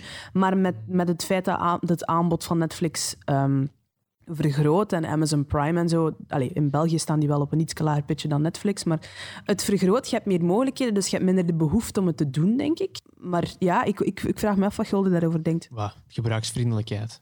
Dat is de nummer één. Gebruiksvriendelijkheid en de prijs. En eh, als je al naar videogames kijkt, bijvoorbeeld, die worden veel minder gepiraat, omdat de manier om ze te verkrijgen veel makkelijker is geworden. Hè, digitaal via Steam bijvoorbeeld. En de prijzen eh, echt wel goed meevallen als je naar kortingen kijkt en zo. Ik denk dat dat even goed toe te passen, passen is op films. En dat mensen daar misschien ook ethischer in zijn geworden. Allee, ik ben zelf een ethische piraat. Dus Wat bedoel je daarmee? Dat als ik niet vind dat iets voor ik het eh, consumeer de moeite is om daarvoor te betalen, dan zal ik het waarschijnlijk eerst piraten. En als ik het dan achteraf Mm. mijn geld waard vind, dan krijg ik dat ook. Het, het gevaar nu, eh, alles is, alles, allee, meer en meer is online te vinden, maar het gevaar is de verzuiling. Hè, je moet en een Disney Plus abonnement, en Ja. een Amazon Mhm. Prime, en, Het is En- dat wat jij zei daar Ja. juist. Hè? en uw, uw series verschuiven soms van zender. Eh, ik heb, ik heb ex- die Expanse op Netflix beginnen kijken en halverwege seizoen 1 ging, ging dat plots naar Amazon en dan, Mhm. ah ja, Maar toen was dat nog Shit. niet eens in België. nee, dus dan heb ik de rest op een niet-legale manier verder gekeken. Ja. Maar dat stelde, ik, kijk een, ik ben, een, ik ben een, eh, een serie van Cartoon Network aan het volgen, Steven Universe. Ik vind dat een supergoeie reeks. Ik wil die blijven volgen. Maar om die legaal in België te kijken, het moment dat dat uitkomt, is onmogelijk. Op geen enkele streamingdingen. Dan zeggen mensen, ja, maar dat staat op Netflix. Ja, seizoen 1 staat op Netflix. Mannen, we zitten aan seizoen 5. Allee, Mhm. De- het ding is ook, we hangen vast aan al die verschillende distributiecontracten Mhm. met alle verschillende landen. Met als gevolg dat we eh, eh, wereldwijde streamingdiensten hebben die per land weer uitzonderingen gaan moeten voorzien. Mhm. Waardoor dat je ja, releases hebt. Hè, eh, de Bende van Jan de Ik Lichte. ging het ook juist zeggen. Komt in Nederland, maar in België, hè, de serie waar, eh, de, het land waar het gedraaid is, is, komt het op een zender die begot nog niet weet wat ze ermee gaan doen. Hm. Maar dat is toch... Is dat al Met, uitgezonden? un- met, met Undercover Ah, nee. is dat ook. Hè? Dat, is ook dat staat Ja. op Netflix in alle landen buiten bij ons. Dat is Ja. bizar. Ja, de- en de- dat is iets wat, wat de technologie zo hard tegenhoudt. Mm. De wetgeving, hè. De wetgeving de daaromtrent. Ik, ja, ik snap ergens dat die, die distributiegiganten daar wel een voordeel in zien, maar het, eh, ja, ik heb het gevoel dat de technologie de wetgeving op dat, allee, of niet de wetgeving, maar er moet structureel daar iets gaan veranderen voordat we. Ja, het is ook niet het, het utopisch Netflix, het, het gedacht dat Netflix had. Hè. Origineel was het ook de bedoeling dat Netflix gewoon één catalogus had voor, voor universeel en dat iedereen alles kon zien. En, maar ja, het ding is ook, dat was... Dat was allee, toen dat, dat bij, in België uitkwam, was het monopolie. Hè? Want toen hadden we nog geen Amazon Prime, toen hadden we nog geen... Al de rest niet. Dat Play zelfs op dat moment nog niet bestond. 2014. Zo, ja. Dus, dus, eh, en op dat moment is iedereen daar ook massaal naartoe geflokt. En ik, ik heb ook zoiets van, als ik moet kiezen, kies ik voor Netflix, omdat dat in mijn hoofd nog altijd de grootste van is. En Amazon Prime in Vlaanderen voor mij, in- voor mij niet echt. Maar daar staan eigenlijk heel veel, veel er dingen staan op, veel ja. dingen op. Goede reeksen ook. Ik heb nu The Marvelous Mrs. Maisel, dat Mm. twee jaar of drie jaar geleden eh, veel prijzen heeft gewonnen. Heb ik volledig gezien. Mega goede Mhm. reeks. Ik ga nu beginnen kijken naar American Gods, Good Mm. Omens, Mhm. eh, Carnival Row. Daar staan Mhm. superveel reeksen op. Dat ik Hetzelfde totaal voor niet HBO, hè. wist. Voilà, inderdaad. Maar soms bij Netflix heb ik ook zo wat dat gevoel. Zo, en voor mij is het eigenlijk bijna een beetje een meme geworden. Ik heb enkel nog maar gratis abonnementen gehad op Netflix. Ehm, en zo die proefperiodes. Ehm, maar allee, ik heb zo'n beetje het gevoel zo, ja, gelijk dat ik er straks zei, zo, dat is een beetje een speelplaatsterm, zo van, of een haast en tuin-term, zo van, ah ja, Netflixen. Maar dat kan even goed betekenen gewoon eender wat van streaming of zo, Streamen, ja. wel. Mm. Eh, en ja, dat dat ook zo'n beetje zo. Ja, eh, op zich, want ik vind dat zij ook echt wel eh, behoorlijk veel bagger hebben geproduceerd Ja, en dat gereleased het zeker, voorbije ja. jaar. En niet alleen qua series, eh, ook, ook films dat je zo denkt van, ja, dat is precies zo gewoon... Ja, we hebben dit jaar 13 miljard meer uitgegeven. Ja, oké, maar dan wat? Weet je wel? Aan Ja. scenario's die niemand anders wil pakken. Ja, bedoel, sorry, maar Bird Box... eh, Ja. allee, weet je wel, maar dan... Het, het- ik heb het gevoel dat zo wel wat ehm, een space race is aan het worden op dat vlak. Ja, wie brengt de, re- de nieuwe reeks uit? die- waar iedereen over praat. Ja, ja. voilà. Maar misschien is dat wel gewoon heel goed voor onze sector ook, omdat er meer Ja, kansen worden Competitiviteit zorgt voor werk natuurlijk. Hè. Ik weet het niet. Ja, ja, maar. Allee, wat ik, weet niet, ik, werk ik dan? vind het gewoon moeilijk dat het weer zo een ding is van. Je zit toch mee, hè? Je, je hebt het toch gekeken, hè? Mm. Hoe, hoe heb jij geen Netflix-account? Echt, ah, nee, Amazon. Ik bedoel, Netflix en chill, hè? Het is niet Amazon Prime en chill. toch, hè? Het is niet plus en Het- chill. Het is, Ik denk het fundamenteel probleem is ook wat je zegt, van het is goed voor onze sector, maar, maar voor Vlaanderen doet het geen fuck. Hè. Allee, Netflix heeft destijds, toen, dat, toen dat ze hier in Vlaanderen zijn, allee, specifiek nu Vlaanderen, het is eigenlijk België, maar ja, ehm, toen dat ze hier zijn, zijn begonnen, heeft de, heeft de overheid gezegd, oké, allemaal goed en wel, maar je gaat wel moeten investeren in onze sector. En dan doen ze dat door eigenlijk reeksen op te kopen van ons, want er staan redelijk veel Vlaamse reeksen op. Ze Ja. zijn nu begonnen met. Undercover. Eh, dat was de eerste co-productie. Dat je denkt, oké, dat is een goede start. Maar tot op het moment dat, dat, dat die streamingkanalen, gelijk, gelijk Netflix, gelijk Amazon Prime en zo, hier echt zeggen van, en nu willen we in, in, in de markt hier indringen, gaat dat ook altijd zo wat die, die segregatie blijven. Hè? Ja, Maar dat Netflix stelde- is gewoon ook niet te bereiken. Als wij zoiets hebben van, we hebben een serie-idee, misschien iets voor Netflix, hoe geraken we daar? Netflix komt naar u. Mhm. Dat, ja, dat is, hè. Maar ja, Netflix zit, zit ook bijna enkel bij de VRT nu. Hè. Ze, hebben, ze hebben nog maar enkel veel VRT. Ja, de- het, hoofdkwartier van Netflix Benelux zit in Nederland. ja, En dat is ook een beetje de, de vertragingsfactor nu, denk ik.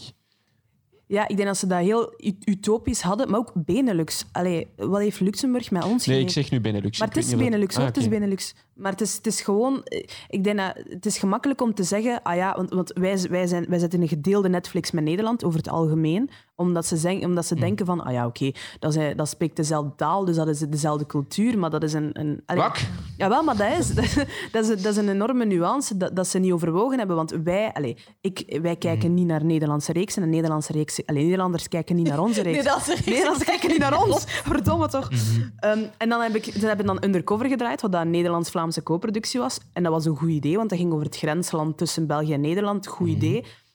In hoeverre kun je nog vijf van dat soort reeksen verzinnen, waar dat je Nederland en Vlaanderen kunt Oké, Ellen, unifyen? dus jij pleit voor Netflix Antwerpen, Netflix Brussel, Netflix Limburg. Netflix West-Vlaanderen, dat is, eh, dat is gewoon allemaal Dus tractors. Vlaanderen TV, Nee, maar, maar Plattelands TV. ik, ik bedoel, ik zeg niet dat we een apart ding moeten worden, maar ik zeg dat, dat Netflix moet... Allee, Doorhebben dat wij anders zijn. Oké, ja, la- laten, we, laten we even eh, die kaart dan trekken, die- waar nu ook veel over gedaan wordt. De Vlaamse Netflix, waar de persgroep zo dol op is voor die om de vijf weken maar in de ze- krant te ze- zetten. Ze, verneuken het zelf, hè. Alle zenders verneuken het zelf, hè. Want ze hebben allemaal een, een eigen online platformen. En ze smijten daar dan alles op. En ja, ik kijk ook regelmatig... Als ik nu naar, naar iets van tv-programma's kijk... VRT nu of zo. Ja, Die V- dingen. Ja. Ja, en eh, ja, Stevie en, en heel die Mhm. mm bullshit daar. Oh, sorry. Ehm, eh, maar dus het, het, het komt erop neer dat ze maken ook... Van tegenwoordig, er zijn een paar programma's geweest die dat onmiddellijk online gegooid zijn, die daar eigenlijk Mhm. niet uitgezonden zijn. En dan denk ik, oké, dat, is, dat is een goed begin. Maar niemand weet dat. Dat, dat. dat is een keer rondgegaan van ja, er staan nu een paar dingen op die niet uitgezonden worden. Maar als je, als je, je moet beginnen bij jezelf. Want ze zitten altijd te neuten van, van dat ze dat onderling tussen zenders nooit goed gaan krijgen, maar te kunnen unifyen en bla bla bla. Oké, maar heb dan eerst respect voor je eigen online kanaal en je Wow, online daar wordt toch content. genoeg reclame voor gemaakt op de tv's, op de zenders zelf. Ja, maar, de- maar de meeste reclames zijn, zijn dingen die, die, die op tv komen en dan ook beschikbaar op VRT nu. Als in van, je moet niet kijken naar hier, je mag het ook online zien. Maar wat ik ook wel raar vind, is dan zo... Hè, we moeten het unifyen, maar dat is ook een beetje wat dat Telenet nu doet. Hè. Die bieden ook heel veel Vlaamse reeksen die in samenwerking met Telenet zijn gemaakt. Je kunt ook gewoon op Telenet Play kijken, je kunt dat op je iPad kijken, je kunt dat op je gsm kijken. Als er een Vlaamse Netflix is, dan is het Telenet Play momenteel. hè. Ja. Voor dingen als op VRT nu betaalt je toch niet. Dus ik zie daar ook Er zit wel een reclame op. Ja, oké. Whatever. Ja, daar, halen ze, Weet je- daar halen ze inkomsten uit. Ja. Eh, weet, ik, heb, ik heb eigenlijk een veel fundamenteler probleem met Netflix. Nu komt het. En dingen als Steam en dergelijke. Wat zich, ik sta volledig achter gebruiksvriendelijkheid. Ik vind dat heel belangrijk. Ik vind dat ook iets van deze tijd. Dat is eh, eh, ja, het gemak en het comfort. Maar ik vind dat daar een beetje een, een diep gegronde onzekerheid in schuilt. Omdat, zoals dat jij nu bijvoorbeeld zegt, hè, je zit de Expanse aan het kijken op Netflix en van de een op de andere dag staat dat plots op Amazon Prime. En het gevoel dat ik heb met digitale services en streamingdiensten, is dat die niet in uw handen liggen. Dat zij beslissen wat, eigenlijk beslissen zij wat jij kijkt. En het is ook een beetje van, eh, ja, het kan in ene moment erop staan. Bijvoorbeeld Stargate is een reeks die ik heel graag elk jaar wel eens af en toe terugkijk. En op zich, je, vindt die bijna nergens meer. Die heeft een tijd op Netflix gestaan en is dat weggegaan. En dvd-boxen kunnen daar ook niet echt meer van kopen. En dan zijn dat zo van die dingen, ja, dan download ik graag een reeks. Ik zal er dan misschien wel nog voor betalen in de vorm van een abonnement of misschien nog een dvd-box kopen, maar ik heb het toch altijd wel graag ergens op mijn backup harde schijfje staan, dat ik weet dat ik het heb. Want wie weet waar staan ze binnen vijf jaar. En zo heb ik soms het gevoel dat er heel veel dingen Verdwijnen. dat we die nu Mm. hebben, maar dat die nog kwijt kunnen geraken. En dat is iets waar ik eigenlijk wel wat schrik voor heb. Maar dat is een beetje de, de tendens van de laatste 15 jaar. Mm. En dus ook een, een voorspelling die ze doen, is dat deze terug een, eh, een, eh, de, de, de, de onbekende periode gaat zijn, omdat er Mm. van deze decennia geen records meer gaan zijn. Ja. Mm. Alles leeft ergens in de virtual en space verdwijnt ook weer. en verdwijnt en je hebt hier Want- geen track records van. Zo, allee, het- ik ben blij dat we nog... Want bijvoorbeeld, oké, laten we zeggen grote dingen, Game of Thrones, dat je dat altijd wel vinden. Ja. Eh, maar als we dan bijvoorbeeld kijken naar onze reeksen of films die hier gemaakt worden, ik ben blij dat we nog dingen op dvd uitbrengen. Dat als ik nog eens kan zeggen van, ah, ik wil, weet ik veel, X-drummer zien of zo, dan kan ik nog wel ergens een dvd vinden. Of, maar dan begin ik wel angst te krijgen voor de komende jaren. Als dingen, dus als ze plots gaan besluiten van, ah, is er nog de moeite om dat op dvd uit te brengen, de nieuwe reeks van... Mm. Ja, want we zenden het al op 14 nu en dit en dat. En er komt een moment dat ze dat plots niet meer beschikbaar maken. Mhm. En jij hebt zoiets van, oh, damn, die ene reeks dat ik toen gezien heb, ik wil die echt nog eens terugzien. Of je hebt die gemist en je wilt die nog eens terugzien. Die is gewoon weg. En die is weg. Mm. Dat, dat, dat is iets... Allee, het, ge- het gebruiksvriendelijkheid, oké, sure, check, ik ben mee. Maar wat op het moment dat is, verdwijnt. Maar het ding is, entertainment gaat ook een beetje de richting uit van wat dat kapitalistisch de vastgoedmarkt het interessantste vindt. Get excited for product, consume next product. Nee, maar ook Ja. van, je huurt iets. Ja, hetzelfde met games. hè. Je koopt niks meer, je huurt. Wij Ja. huren alles. Hè. Eh, Premier, allee, Ado, het hele Ado- Adobe-pakket. Het is een Maandelijks. eh, maandelijks lidmaatschap. En als je, als je als de servers pad liggen, zijn je Charles. Je, je- Ja. We hebben steeds minder en minder in ons handen. Mhm. We consumeren. Eh, het- het- het- Allee, ja, ja. Je krijgt gebruiksvriendelijkheid, maar je er altijd een beetje controle voor in de ruil, heb ik het gevoel soms. En dan kijk ik iets van, ik heb liever de controle. Ja. Hoewel dat ik, allee, ik apprecieer de gebruiksvriendelijkheid. Hetzelfde met Steam bijvoorbeeld. Hè. Dus dat is zo, ik gebruik dat nu sinds, ik denk 2005. Dat zal echt van helemaal in het begin zijn. En bijna al mijn videogames die ik nu speel, heb ik op Steam.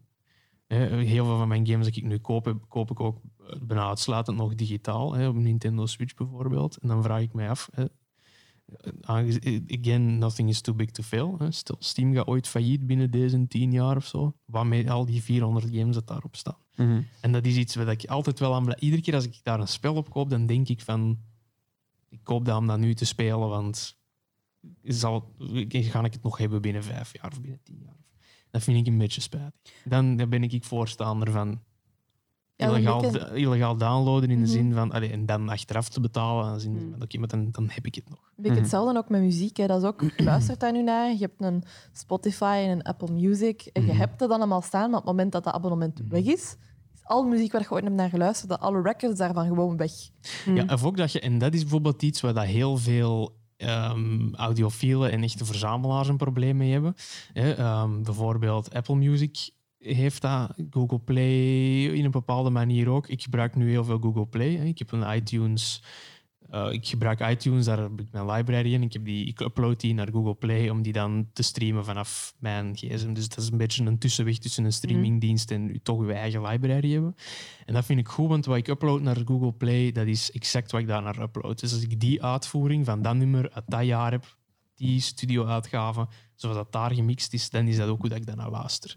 Maar wat Apple bijvoorbeeld doet, is, je library wordt eigenlijk digitaal opgenomen en zij gaan dan, hè, bijvoorbeeld, weet ik veel, je wilt een nummer van Pink Floyd uit de best hits luisteren, wat dan een beetje anders gemixt is dan bijvoorbeeld op Dark Side of the Moon of zo. En Apple gaat dan tegen u zeggen van, ah nee, maar we gaan u dat laten luisteren. Die versie van dat nummer. En niet die ene die jij uit die best hits wou of zo.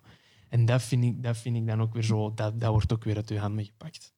En waarschijnlijk, ik weet het niet, maar het is een voorgevoel. Er zal ook gewoon wel een kwaliteitsregressie zijn, omdat er alles is meer en meer optimized voor streaming. Mm. Hè, Het moet, moet kunnen up en, eh, Mm. Mm. up en downloaden op een efficiënte manier. Compressie. Compressie. Ja, Daar, allee, al- compressie wordt efficiënter uiteraard. Eh, netwerkverbindingen worden sneller, dus dat zal misschien daardoor wel uitgecounterd worden. Maar ik denk dat... De, ik merk dat soms ook als we naar Netflix of wat dan ook kijken, dat het soms wel qua resolutie of qua bitrate durft afnemen. En- ik ga content zijn met iets van minder kwaliteit, want maar ik heb het tenminste wanneer ik het wil of zo. ja, ik, ja, ik heb Ja. soms de, de- de indruk dat er Ja. toch niet zo op kwaliteit wordt ingezet dan. En dat is ook heel de discussie die nu vloeit rond eh, tv's met motion smoothing, eh, waar daar Christopher Nolan heel hard op aan het inzetten is. Ah, De, de, de, de kwaliteit van consumeren gaat misschien achteruit. Of misschien ben ik hier nu heel cynisch ik weet, het, op aan het kijken, ik, hoor. Ik, want ik, ik ben nu naar Ulder aan het luisteren en ik geef er grotendeels gelijk. Onze Maar, eisen zijn maar anderzijds, Ja. ja. denk ik dan ook wel van... Een leek die naar Netflix kijkt, gaat niet zeggen... Oh mijn god, dat is geen 4K. Oh, heel mijn avond naar de kloten. En Gulder misschien dan wel, omdat je denkt... Ja, ik, had het, ik dacht dat deze 4K was, deze is geen 4K. Maar over het algemeen, like, wat je zegt ook van, van dat streamen en, en, en het feit dat het gecompresseerd en zo wordt... Ja, maar iemand die daar geen verstand van zaken van heeft... En de algemene consument bedoelde daar eigenlijk mee... They don't give a fuck. Dus... Ja, maar ja, is dat dan verantwoordelijkheid? Ik vind dat bijvoorbeeld heel onverantwoord dat tv-makers beslissen boven allee, ja, filmmakers of tv-makers van ah, wij gaan zeggen hoe dat uw beeld er beter uit moet zien bij onze Ah, instellingen. tv-makers als een mensen die tv's in elkaar wijzen, bedoelt Ja. je? Oké, Ja, ja, ik was niet mee daar, sorry. ja, dat, Ja. dat de tv-fabrikanten, zal ik maar zeggen. Fabrikanten, ja. En zij gaan... Nee, wij hebben het laatste woord. Wij gaan zeggen hoe dat uw ding eruit moet zien. Maar dat is een beetje auteurs- of artiesten-integriteit. In die zin van, eh, er is eh, gelijk dat er recent bij de Simpsons-afleveringen stukken werden afgekropt. Ah, die zijn geüpload naar Disney Plus in Ja. 16.9, terwijl de SEC 4.3 waren en daardoor de joke wegviel. Ja, soms, de zo visuele van die kijk. dingen. Maar dat je ook eh, uit, res- Allee, uit respect voor sommige films...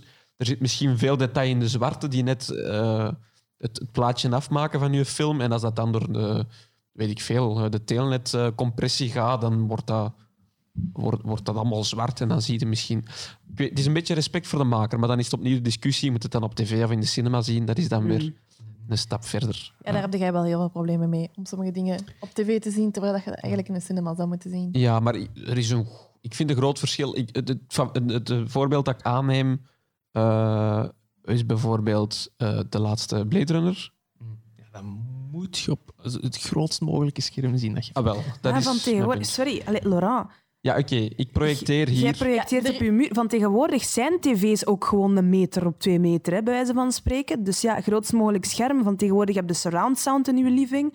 En je hebt dingen, en je hebt dat, en je hebt... Ja, het is, tenzij dat je echt op je gsm zit te kijken, is er wel echt een case om te maken voor een tv van tegenwoordig, hè. Ja, wel. Toen ik ben gaan katzitten twee weken geleden en ik kwam op dat appartement, het eerste dat ik heb gedaan is een tv aangezet en de motion smoothing uitgezet. En het contrast op 50. Mooie grote tv, maar ik ga niet kijken met motion smoothing. Dat is fair, dat is fair. Maar ja, het is zo... Again, dat is, dat is omdat jij kennis van zaken Ja, hebt. hè. ja, dat is waar. Maar ja, ja, kijk. Maar dan denk ik van, hoeveel mensen kijken er naar iets en hun ervaring is minder waardig omdat voor hun beslist is hoe dat ze naar iets moeten kijken. Omdat ze niet weten hoe dat ze ernaar moeten kijken. Als, als, als je iets opzet en je weet niks van film en je zet je contrast op nul omdat je geen flauw idee hebt van hoe je aan tv werkt, gaat jij dat ook een schone film vinden. Hè? Allee, ik bedoel, snap je? En als jij dan zegt, ja, maar nee, je moet het zo zien, dan, dan denk ik van ja, oké, het is nog altijd dezelfde film, maar de kleuren zijn wat scherper. Ja. Maar Allee, ja, snap je? Het is een- zo, Het is een beetje cureren ook. Hè. Er moet wel Mm. het belang van curatie. hè, Het is net hetzelfde als dat je een Vermeer ergens in een hoekje gaat hangen en eh, het is een donkere ruimte en je zet daar zo een mottig ledspotje dat reflecteert in weet ik Mhm. veel wat. Ja, dan, dan is het ook natte zak. Hè. Dan, dan is het wel de, de rol van een distribueur als curator van de best mogelijke versie uit respect voor de artiest naar voren te schuiven. ja, En de 100%. beleving van de kijker. Ja. Ik, nee, ik bedoel, ik ga er akkoord mee. Hè. En Ik, ik, ik, ik, ik weet het even hard, maar ik kan mij ook goed voorstellen dat een mens van 50 niet bezig is met. Oeh, die kleuren, die, dat zwart is hier te zwart en ik ben heb Oh, ik mijn god. Dan heb ik een anekdote.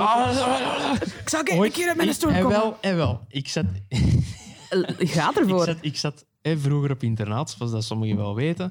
En ehm, wij hadden toen eh, elke ochtend voor we naar school gingen een kwartier en elke avond eh, na, tussen het eten en het eh leefgroepmoment een half uur dat we tv mochten kijken.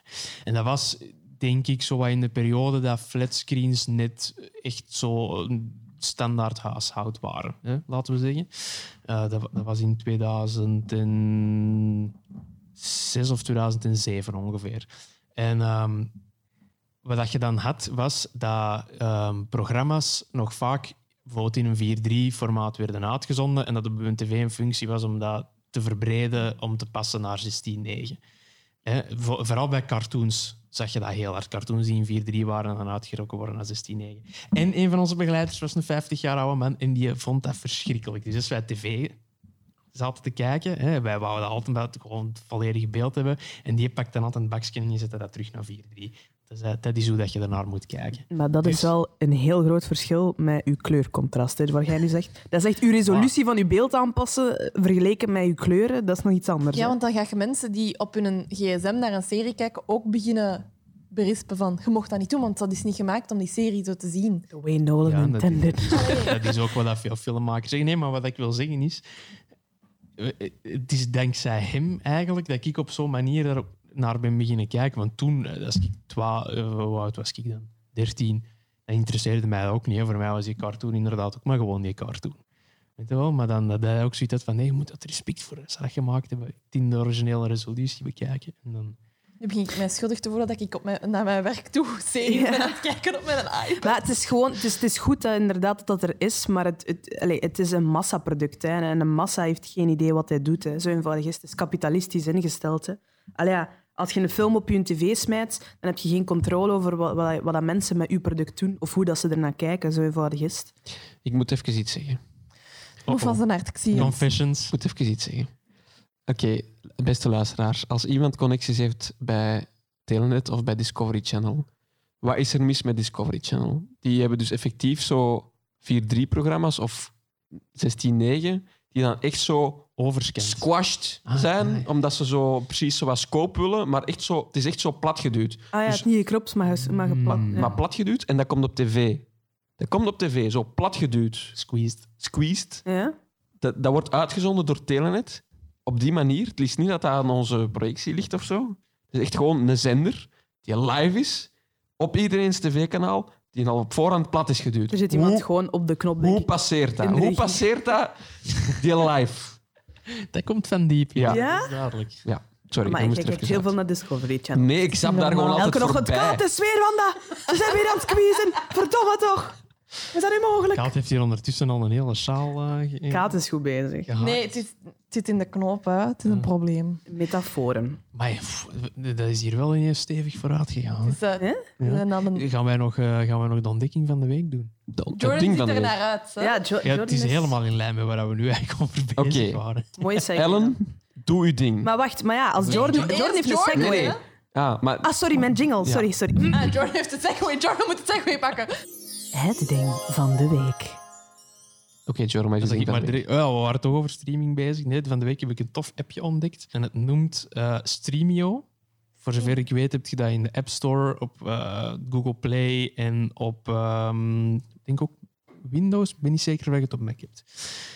Het idee is, je hebt een app en die unificeert eigenlijk al je streamingdiensten. Oh. Dus alles wat dat ehm, streamt, dat kan van Twitch, YouTube, Facebook Live naar eh, ja, Amazon Prime, Hulu, eh, allee, noem maar op. Dat, dat unificeert dat allemaal. En dat werkt eigenlijk via een systeem. Dus bijvoorbeeld, ik ga, ik ga hier nu eens een voorbeeld bijpakken. Ik heb het hier voor mij. Ja, dat, dat is hem inderdaad. Het heeft zo'n paars eh, logo. Stremio voor de Stremio. mensen. Je hebt hier bijvoorbeeld eh, The Witcher. Hè, dan druk ik daarop, dan geeft mij dat wat standaard informatie. Hè, de runtime, het aantal afleveringen, synopsisje. En dan geeft mij dat opties waar ik dat allemaal kan kijken. En die opties kun je dus zelf toevoegen aan de hand van plugins. Mhm. Hè, dus je kunt bijvoorbeeld zeggen van oké, ik wil een plugin voor Netflix. Dan vult je daar je inlog credentials in en dan zet je dat bij in dat lijstje. En dan ga ik bijvoorbeeld naar aflevering 1 en dan kan ik zeggen, ik heb bijvoorbeeld plugins geïnstalleerd voor de Pirate Bay. Ah ja, ah maar- zo.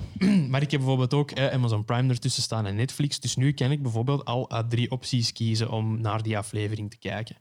Ehm, en die wordt dan gestreamd naar mijn gsm via die dienst. Wat ik ook heel handig vind, is dat je ook je eigen library kunt aanmaken. Dus je kunt bijvoorbeeld zeggen van, hey, ik bekijk nu The Mandalorian, The Witcher en bijvoorbeeld The Expanse, Rick and Morty volg ik ook. Dan kan ik zeggen van, hey, ik zet die in mijn library en dan krijg ik ook van die dingen updates van, ah ja, er is nu een aflevering van uitgekomen bijvoorbeeld op dat platform. Dus het is basically een shortcut om te zeggen van als ik een nieuwe reeks bijvoorbeeld zou hebben die ik graag zou willen zien, zegt hij, ah, je kunt die daar en daar en daar zien. Of is dat niet de primary user voor? Eh, ja, jawel. En ook een beetje een overzicht houden. Bijvoorbeeld, hè, als jij zegt van oké, en ik heb een Disney Plus, en ik heb Hmm. een Amazon Prime, en ik heb een Netflix, in plaats van die allemaal te moeten checken, duid je gewoon in die app aan van oké, ik volg die en die en die reeks.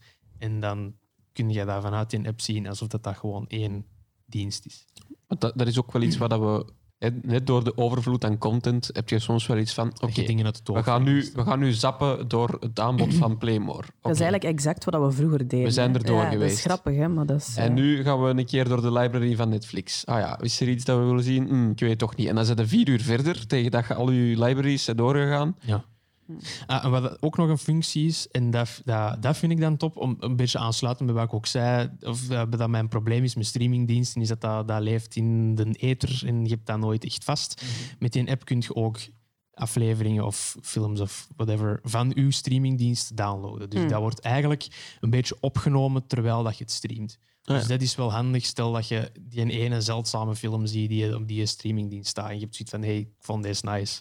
Ik wil dat bijhouden. Dan- Maar dan wil ik dan niet een eikel zijn. Hè? Maar als je, als uw app dan de kloten is, dan heb je toch exact hetzelfde probleem. Nee, nee, maar dat wordt gedownload rechtstreeks naar je apparaat. Ah, oké. Dus niet aan de app zelf. Oké, oké. En dat vind ik, dat vind ik eh, door die functie alleen al vind ik dat deze wel waard. Ik weet niet of dat, dat volledig legaal is of niet, want als je de app installeert moet je ook een dingetje akkoord gaan van je gebruikt deze op je eigen verantwoordelijkheid. Ik denk dat dat een beetje een grey zone Juridisch, is. Maar, ja, de, de thuiskopie, wat je vroeger had tussen haakjes, ja. ik denk dat ze daarvan uitgaan, maar ik weet niet. Ik zie het als het equivalent van... Ah, neemt, schat, neemt jij thuis op van de avond? Ja. Dus- voilà. Dus ja, d- dat was mijn ontdekking van de week. Oké, Ellen, wat is uw ding van de week? Moet, moet ik, ik heb, mijn ding is relatief depressief, dus misschien moet- moeten we Nee, nee, gaat er maar voor. Oké. Ik, ik was research aan het doen eh, voor een paar nieuwe dingen. En ik ga al disclaimer, het is niet, ik heb het niet deze week ontdekt, maar ik vind het wel heel interessant om op te brengen. Er is een, een plek in Amerika, een plek, ik denk dat het ergens in Tennessee is, als ik het mij goed herinner.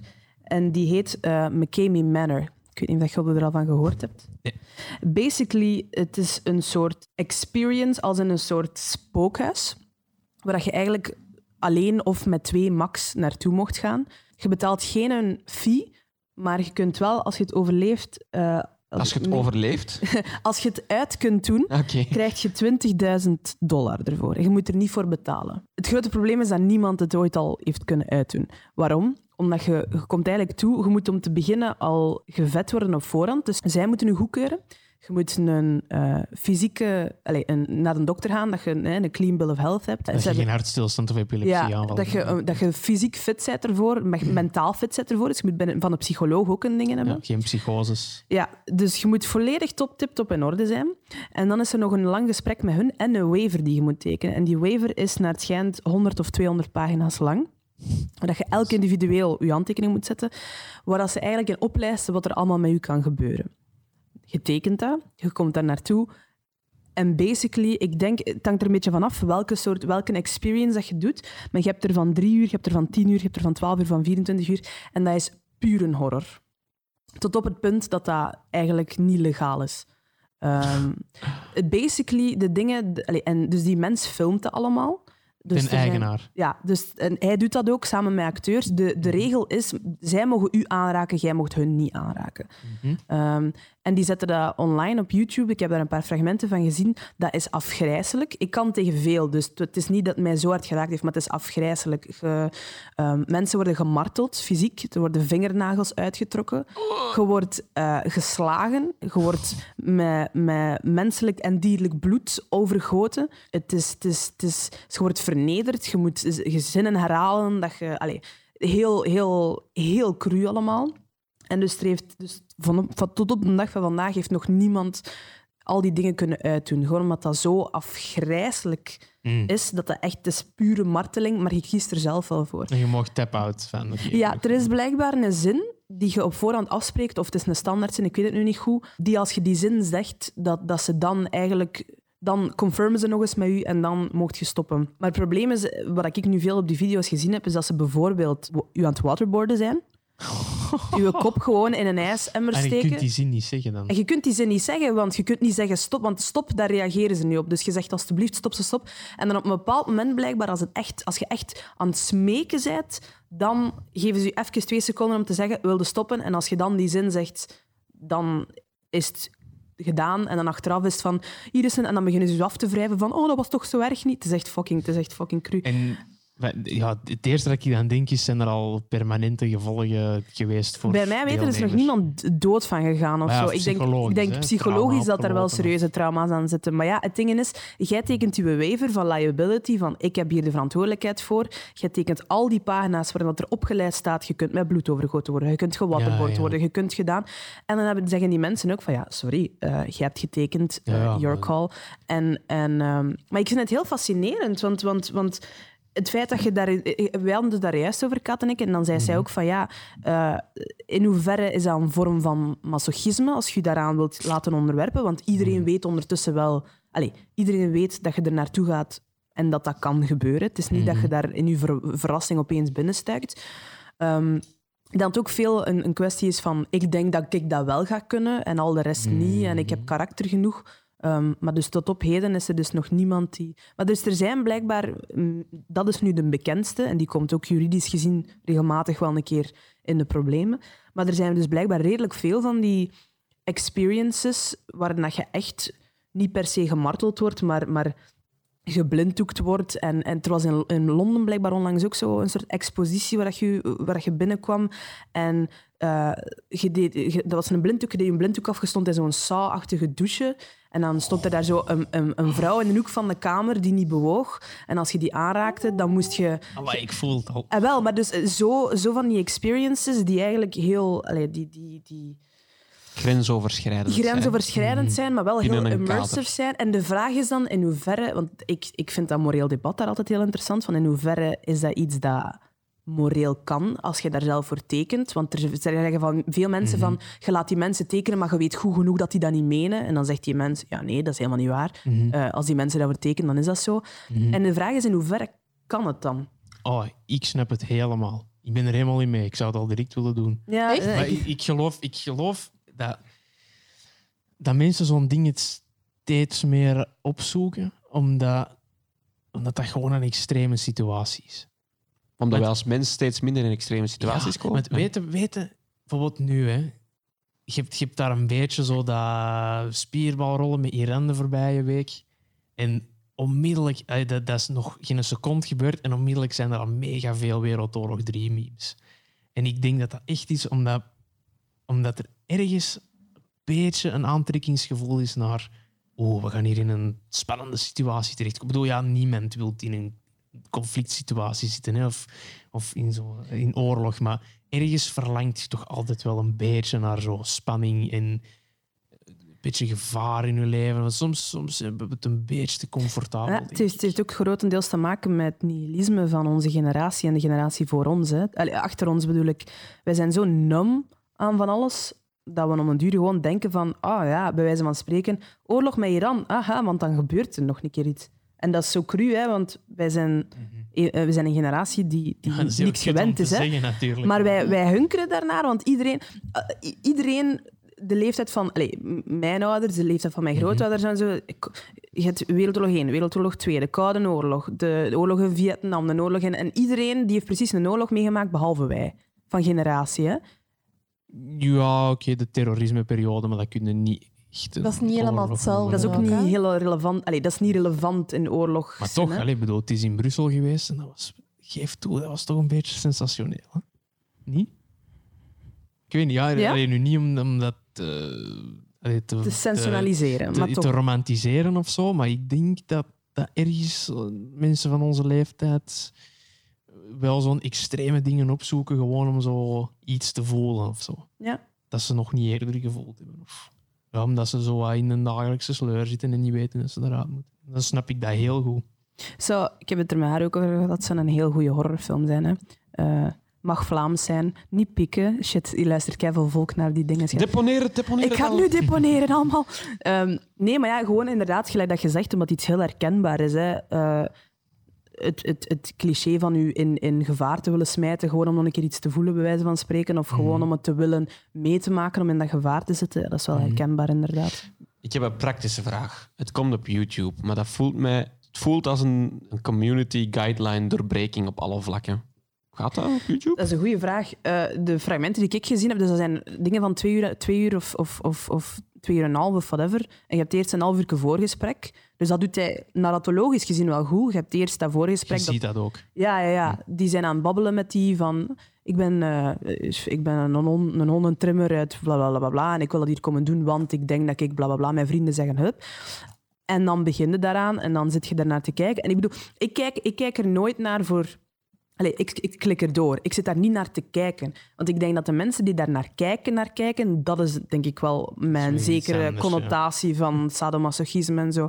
Eh, want het is niet om aan te zien. En ik, ik heb al heel veel dingen gezien, eh, omdat je daar ook wel soms naar moet researchen en zo. Maar, maar dat zijn dingen die ik gewoon niet kan aankijken. Mensen die eh, riolering moeten drinken, mensen die hun tanden worden uitgetrokken. Allee, en dan denk je Jordan van, jij hebt hiervoor uit. gekozen.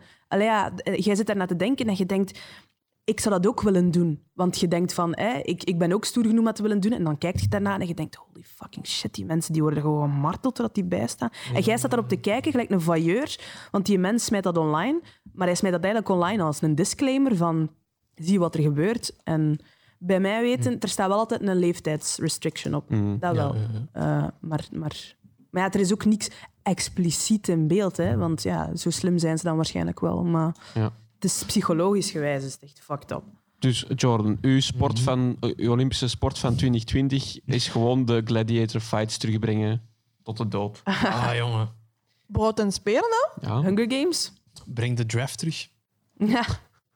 Ja, een jaar Maar of ja, twee to be fair, ik, ik heb dat ook al zitten denken hoor. Van onze generatie zou toch echt karakter kunnen kweken, moesten wij verplicht in het leger moeten gaan. Ik zou dat En niet kunnen. Ik ben daar tegen. Als je een pacifist bent, waarom wilde Ja, dan kun, jaar dan in kun, het jij, dan kun jij in het orkest gaan zitten hè, met je Ja, triangel. Allee, ik bedoel, iedereen doet zijn ding. Hè? Dat doet me echt denken aan de verhalen van mijn vader in de dingen. Q Kampwaas.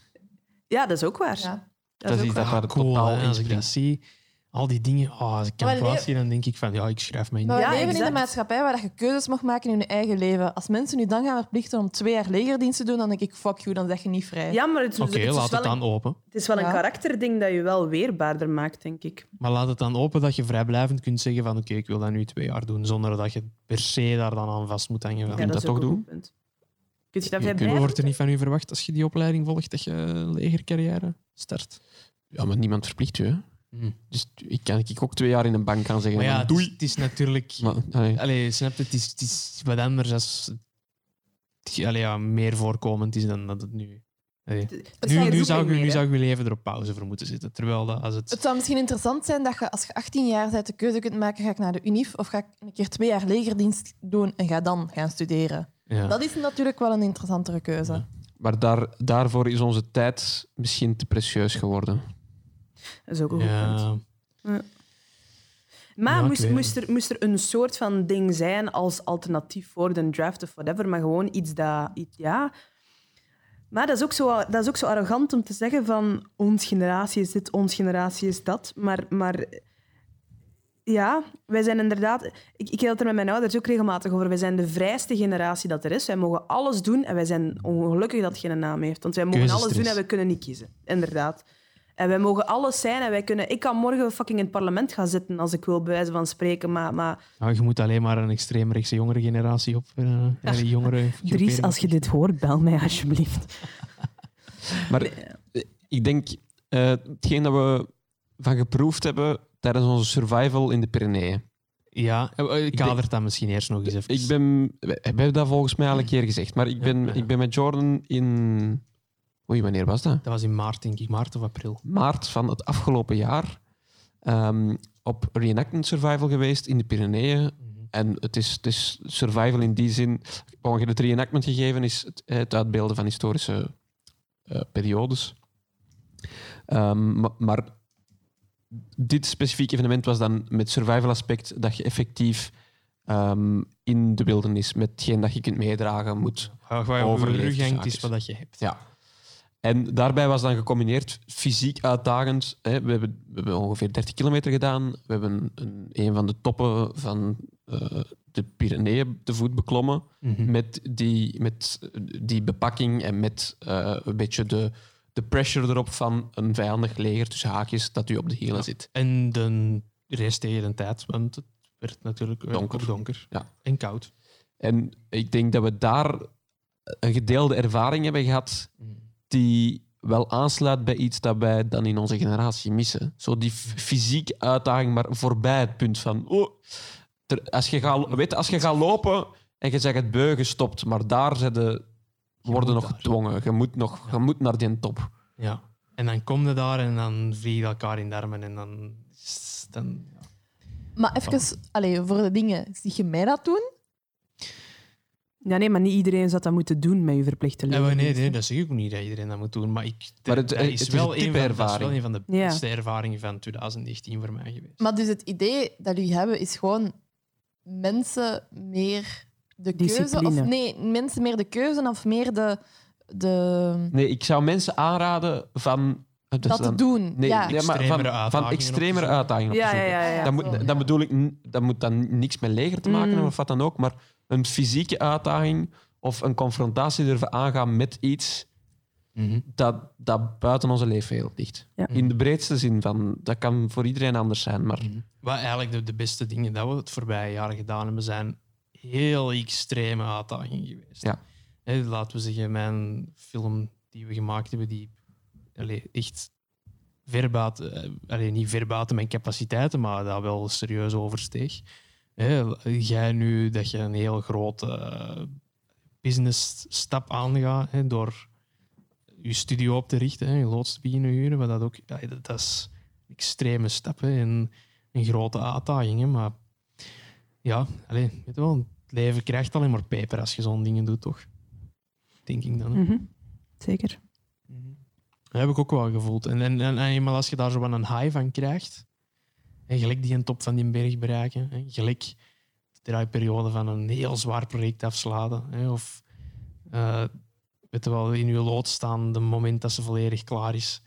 Zo die een high, als je dat telkens zo kunt, kunt achterna zitten, dat is dan ook weer dubbel, hè, want dan gaat dat ook weer missen natuurlijk.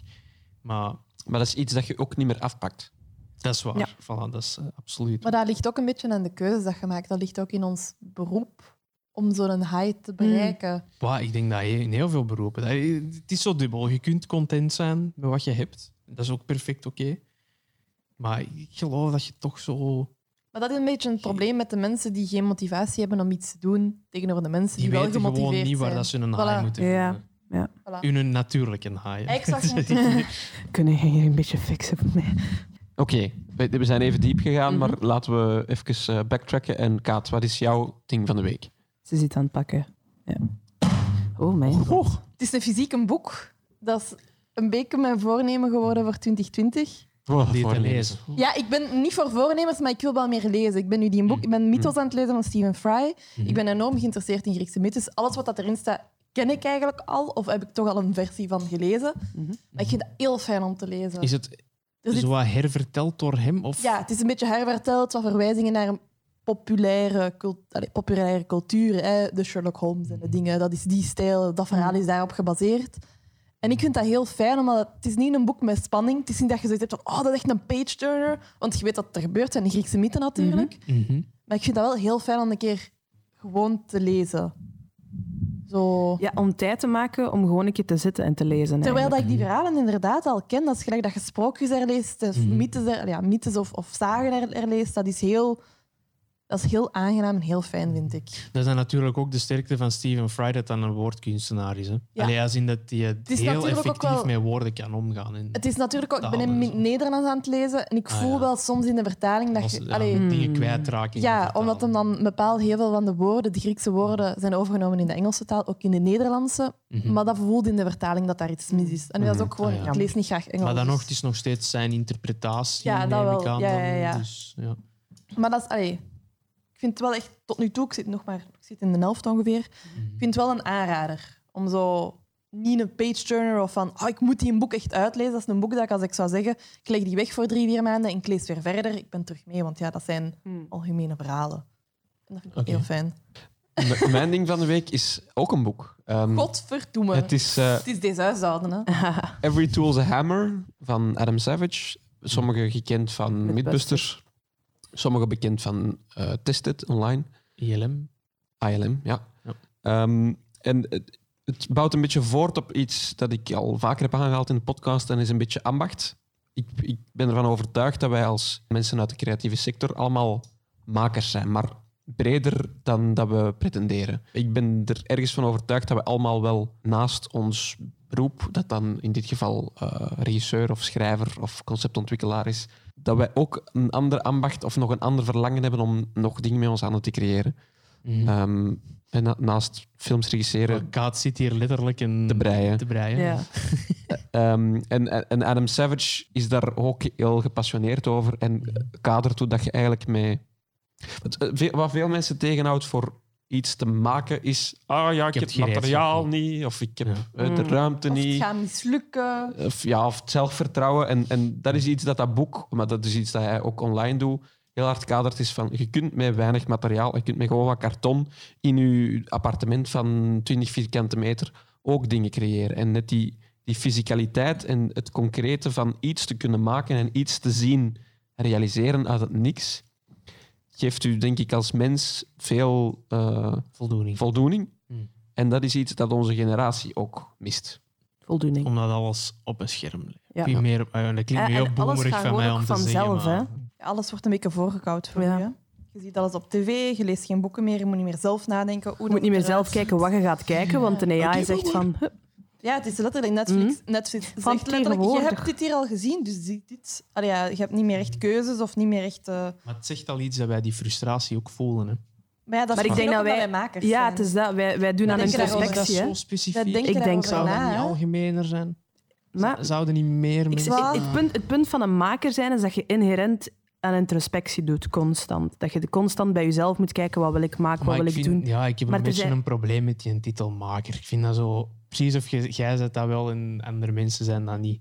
Ja, maar als ah, je job bestaat... Ik denk, ik denk eerder dat wij gewoon gekozen hebben om in één specifieke vorm van maken iets te doen. Maar dat zit volgens mij toch gewoon in iedereen. Maar maken zit in alles. Hè. Veel mensen beperken maken ook tot... ik tim er iets in één, maar uh, coderen is ook maken. Ja, Het is niet dat ik, het, dat ik de lijn ergens trek. Mm. Maken is, is, een heel ruime zin. Eens dat je beseft dat, dat, dat bijvoorbeeld coderen ook maken is, trekt je een, een, een schuif open aan creativiteit mm, ja, Die, die, waar dat je voordien misschien in beperkt. Mm Oké, als, als ik zou zeggen, eh, oké, maken als in dat terzijde, maar als je, als je al in whatever shape or form iets uit niks maakt, mhm. moet je altijd bij je eigen, allez, zet je onbewust of bewust de stap om te zeggen, ik ga dit nu maken uit het niks. En dat is iets dat een proces is dat bij jezelf start. Ja, dus als je iets maakt. Dat, dat, zoals Laurent zegt, dat niet altijd bij iedereen even bewust is of zo. Als ik bijvoorbeeld kijk naar Oké, neem nu bijvoorbeeld mijn vader. Hè? Dat is, uh, hij is een slager. En hij heeft eh, van zijn 15 dat beroep uitgeoefend. Hij, ziet dat echt als een heel traditionele ambacht. Dat is vroeg opstaan, een hele dag hard werk, s'avonds gaan slapen. Uh, je s'avonds thuiskomen, serie opzetten en in slaap vallen in de eerste minuut en klaar. Rinse, repeat. Mhm.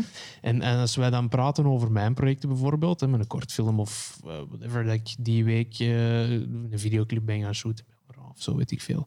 Dan, dan voor hem voelt dat soms heel ver van zijn bed en vaag aan. En hoe moet ik dat begrijpen? Hè? Bijvoorbeeld, um, we hadden dan van de week de testvisie van mijn film en daar is feedback op gekomen. En hij vroeg aan mij hoe was uw feedback. En dan wou ik dat op een manier uitleggen. Van, hè, want dat, dat, dat, het maakproces ja, in postproductie is vaak iets dat heel gesloten is. En hij kan daar zich niet echt iets bij voorstellen.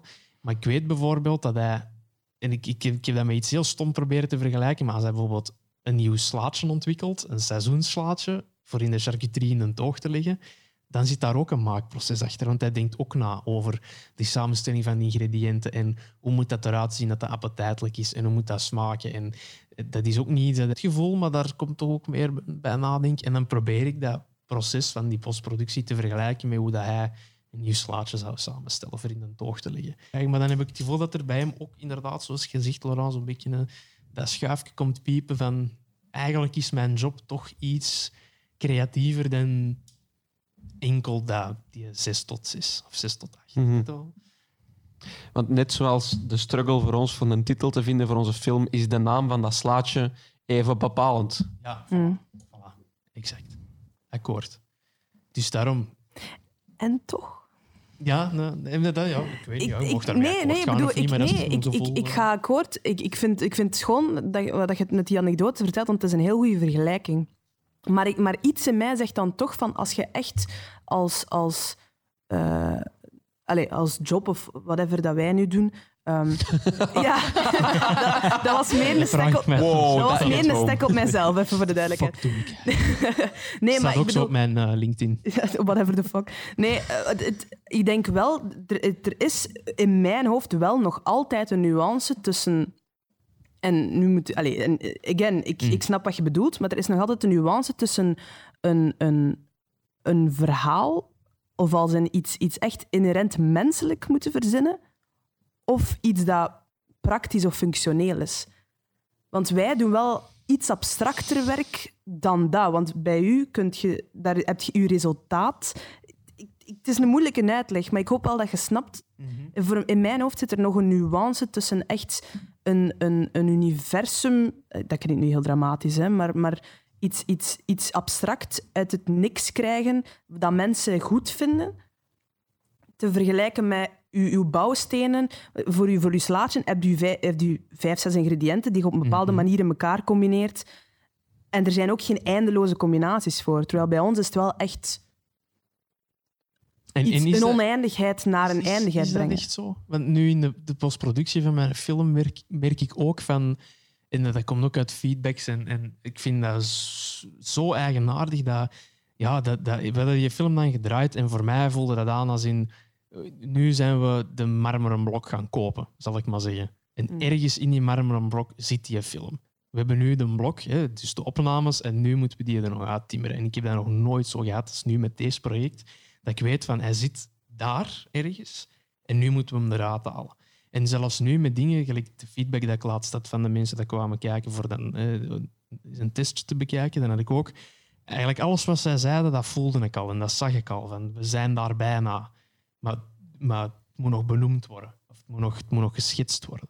Om het verder uit te kappen, zal ik maar zeggen. Dus zijn die eindeloze combinaties mogelijk? Dat weet ik niet. Ik heb het gevoel dat ergens de waarheid wel bestaat. Hè, maar dat je...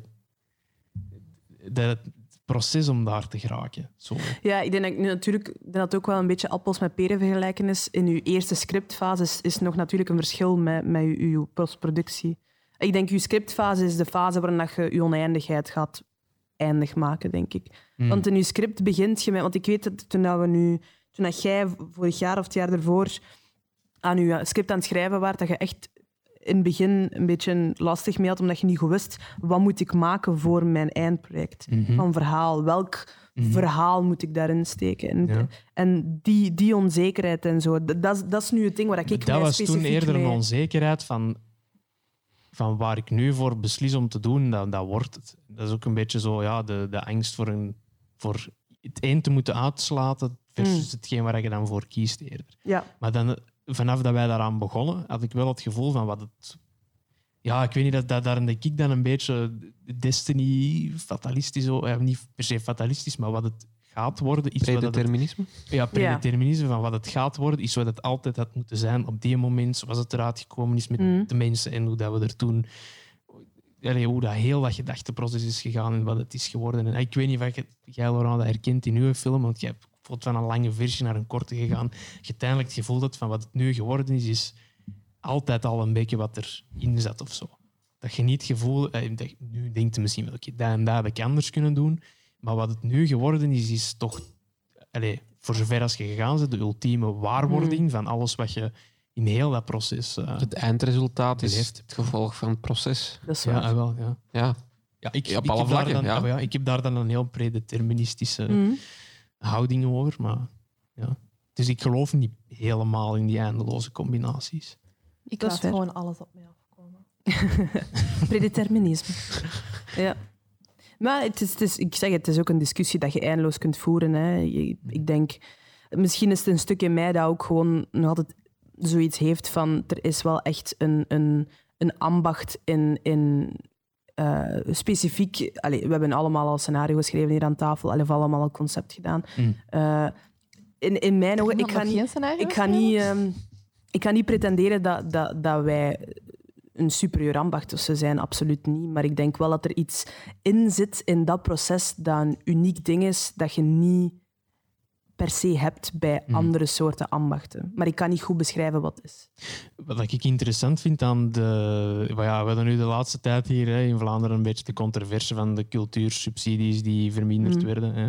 En op zich, dat is een discussie waar ik mij niet helemaal in verdiept heb of in gemoeid heb. Maar als er één ding is wat ik wel interessant vind aan een gevolg dat daaruit gekomen is, of waar gewaarwording steeds groter naar wordt, is dat er, dat er meer kunst is dan in de kunsten alleen. Dus dat er ook kunst is in heel veel ambachten en heel veel beroepen die, die soms niet die aandacht verdient dat ze zou mogen verdienen. En dat is iets wat uit dat solidariteitsgevoel nu meer naar voren begint te komen. Denk. Of er is een kiemje gelegd, denk ik. Dat is nog niet per se gebloeid. Maar eh, dat, daar sta ik wel achter. Toch? Zeker. Hm. Maar wij krijgen toch meer geld, dus ja. Nee, eigenlijk, Nee, eigenlijk niet. Maar eigenlijk ja. niet. ehm, ik, ik kijk hier even naar de tijd en ik denk dat wij stilaan gaan moeten afronden. Dus wat er mij rest is van Jordan, Ellen, Kaat, jullie Mhm. alle drie te bedanken. Opnieuw voor vandaag. Yep. Niet graag gedaan. Jawel, jawel, eigenlijk wel. Wauw. Het is trouwens ook ongeveer een jaar geleden dat wij onze eerste aflevering hebben gedraaid. Woehoe! Tijd vliegt. Hoe lang hebben wij nu eigenlijk opgenomen? Twee uur en twaalf minuten. Voelt veel langer, maar dus toch een deftig. deftig uur. Laat ons zeggen voor de review dat we er nog veel mogen mogen. En nog veel Ja. kunnen kunnen. En Dankjewel, Ellen. Dankjewel. Graag gedaan. ik ga bijdrage. afsluiten met een toepasselijk melig zinnetje. Nu komt het. Het leven is wat je er zelf van maakt. Dank u wel. Maar, maar zijn we makers, Jordan? We zijn allemaal makers. Oh, oké.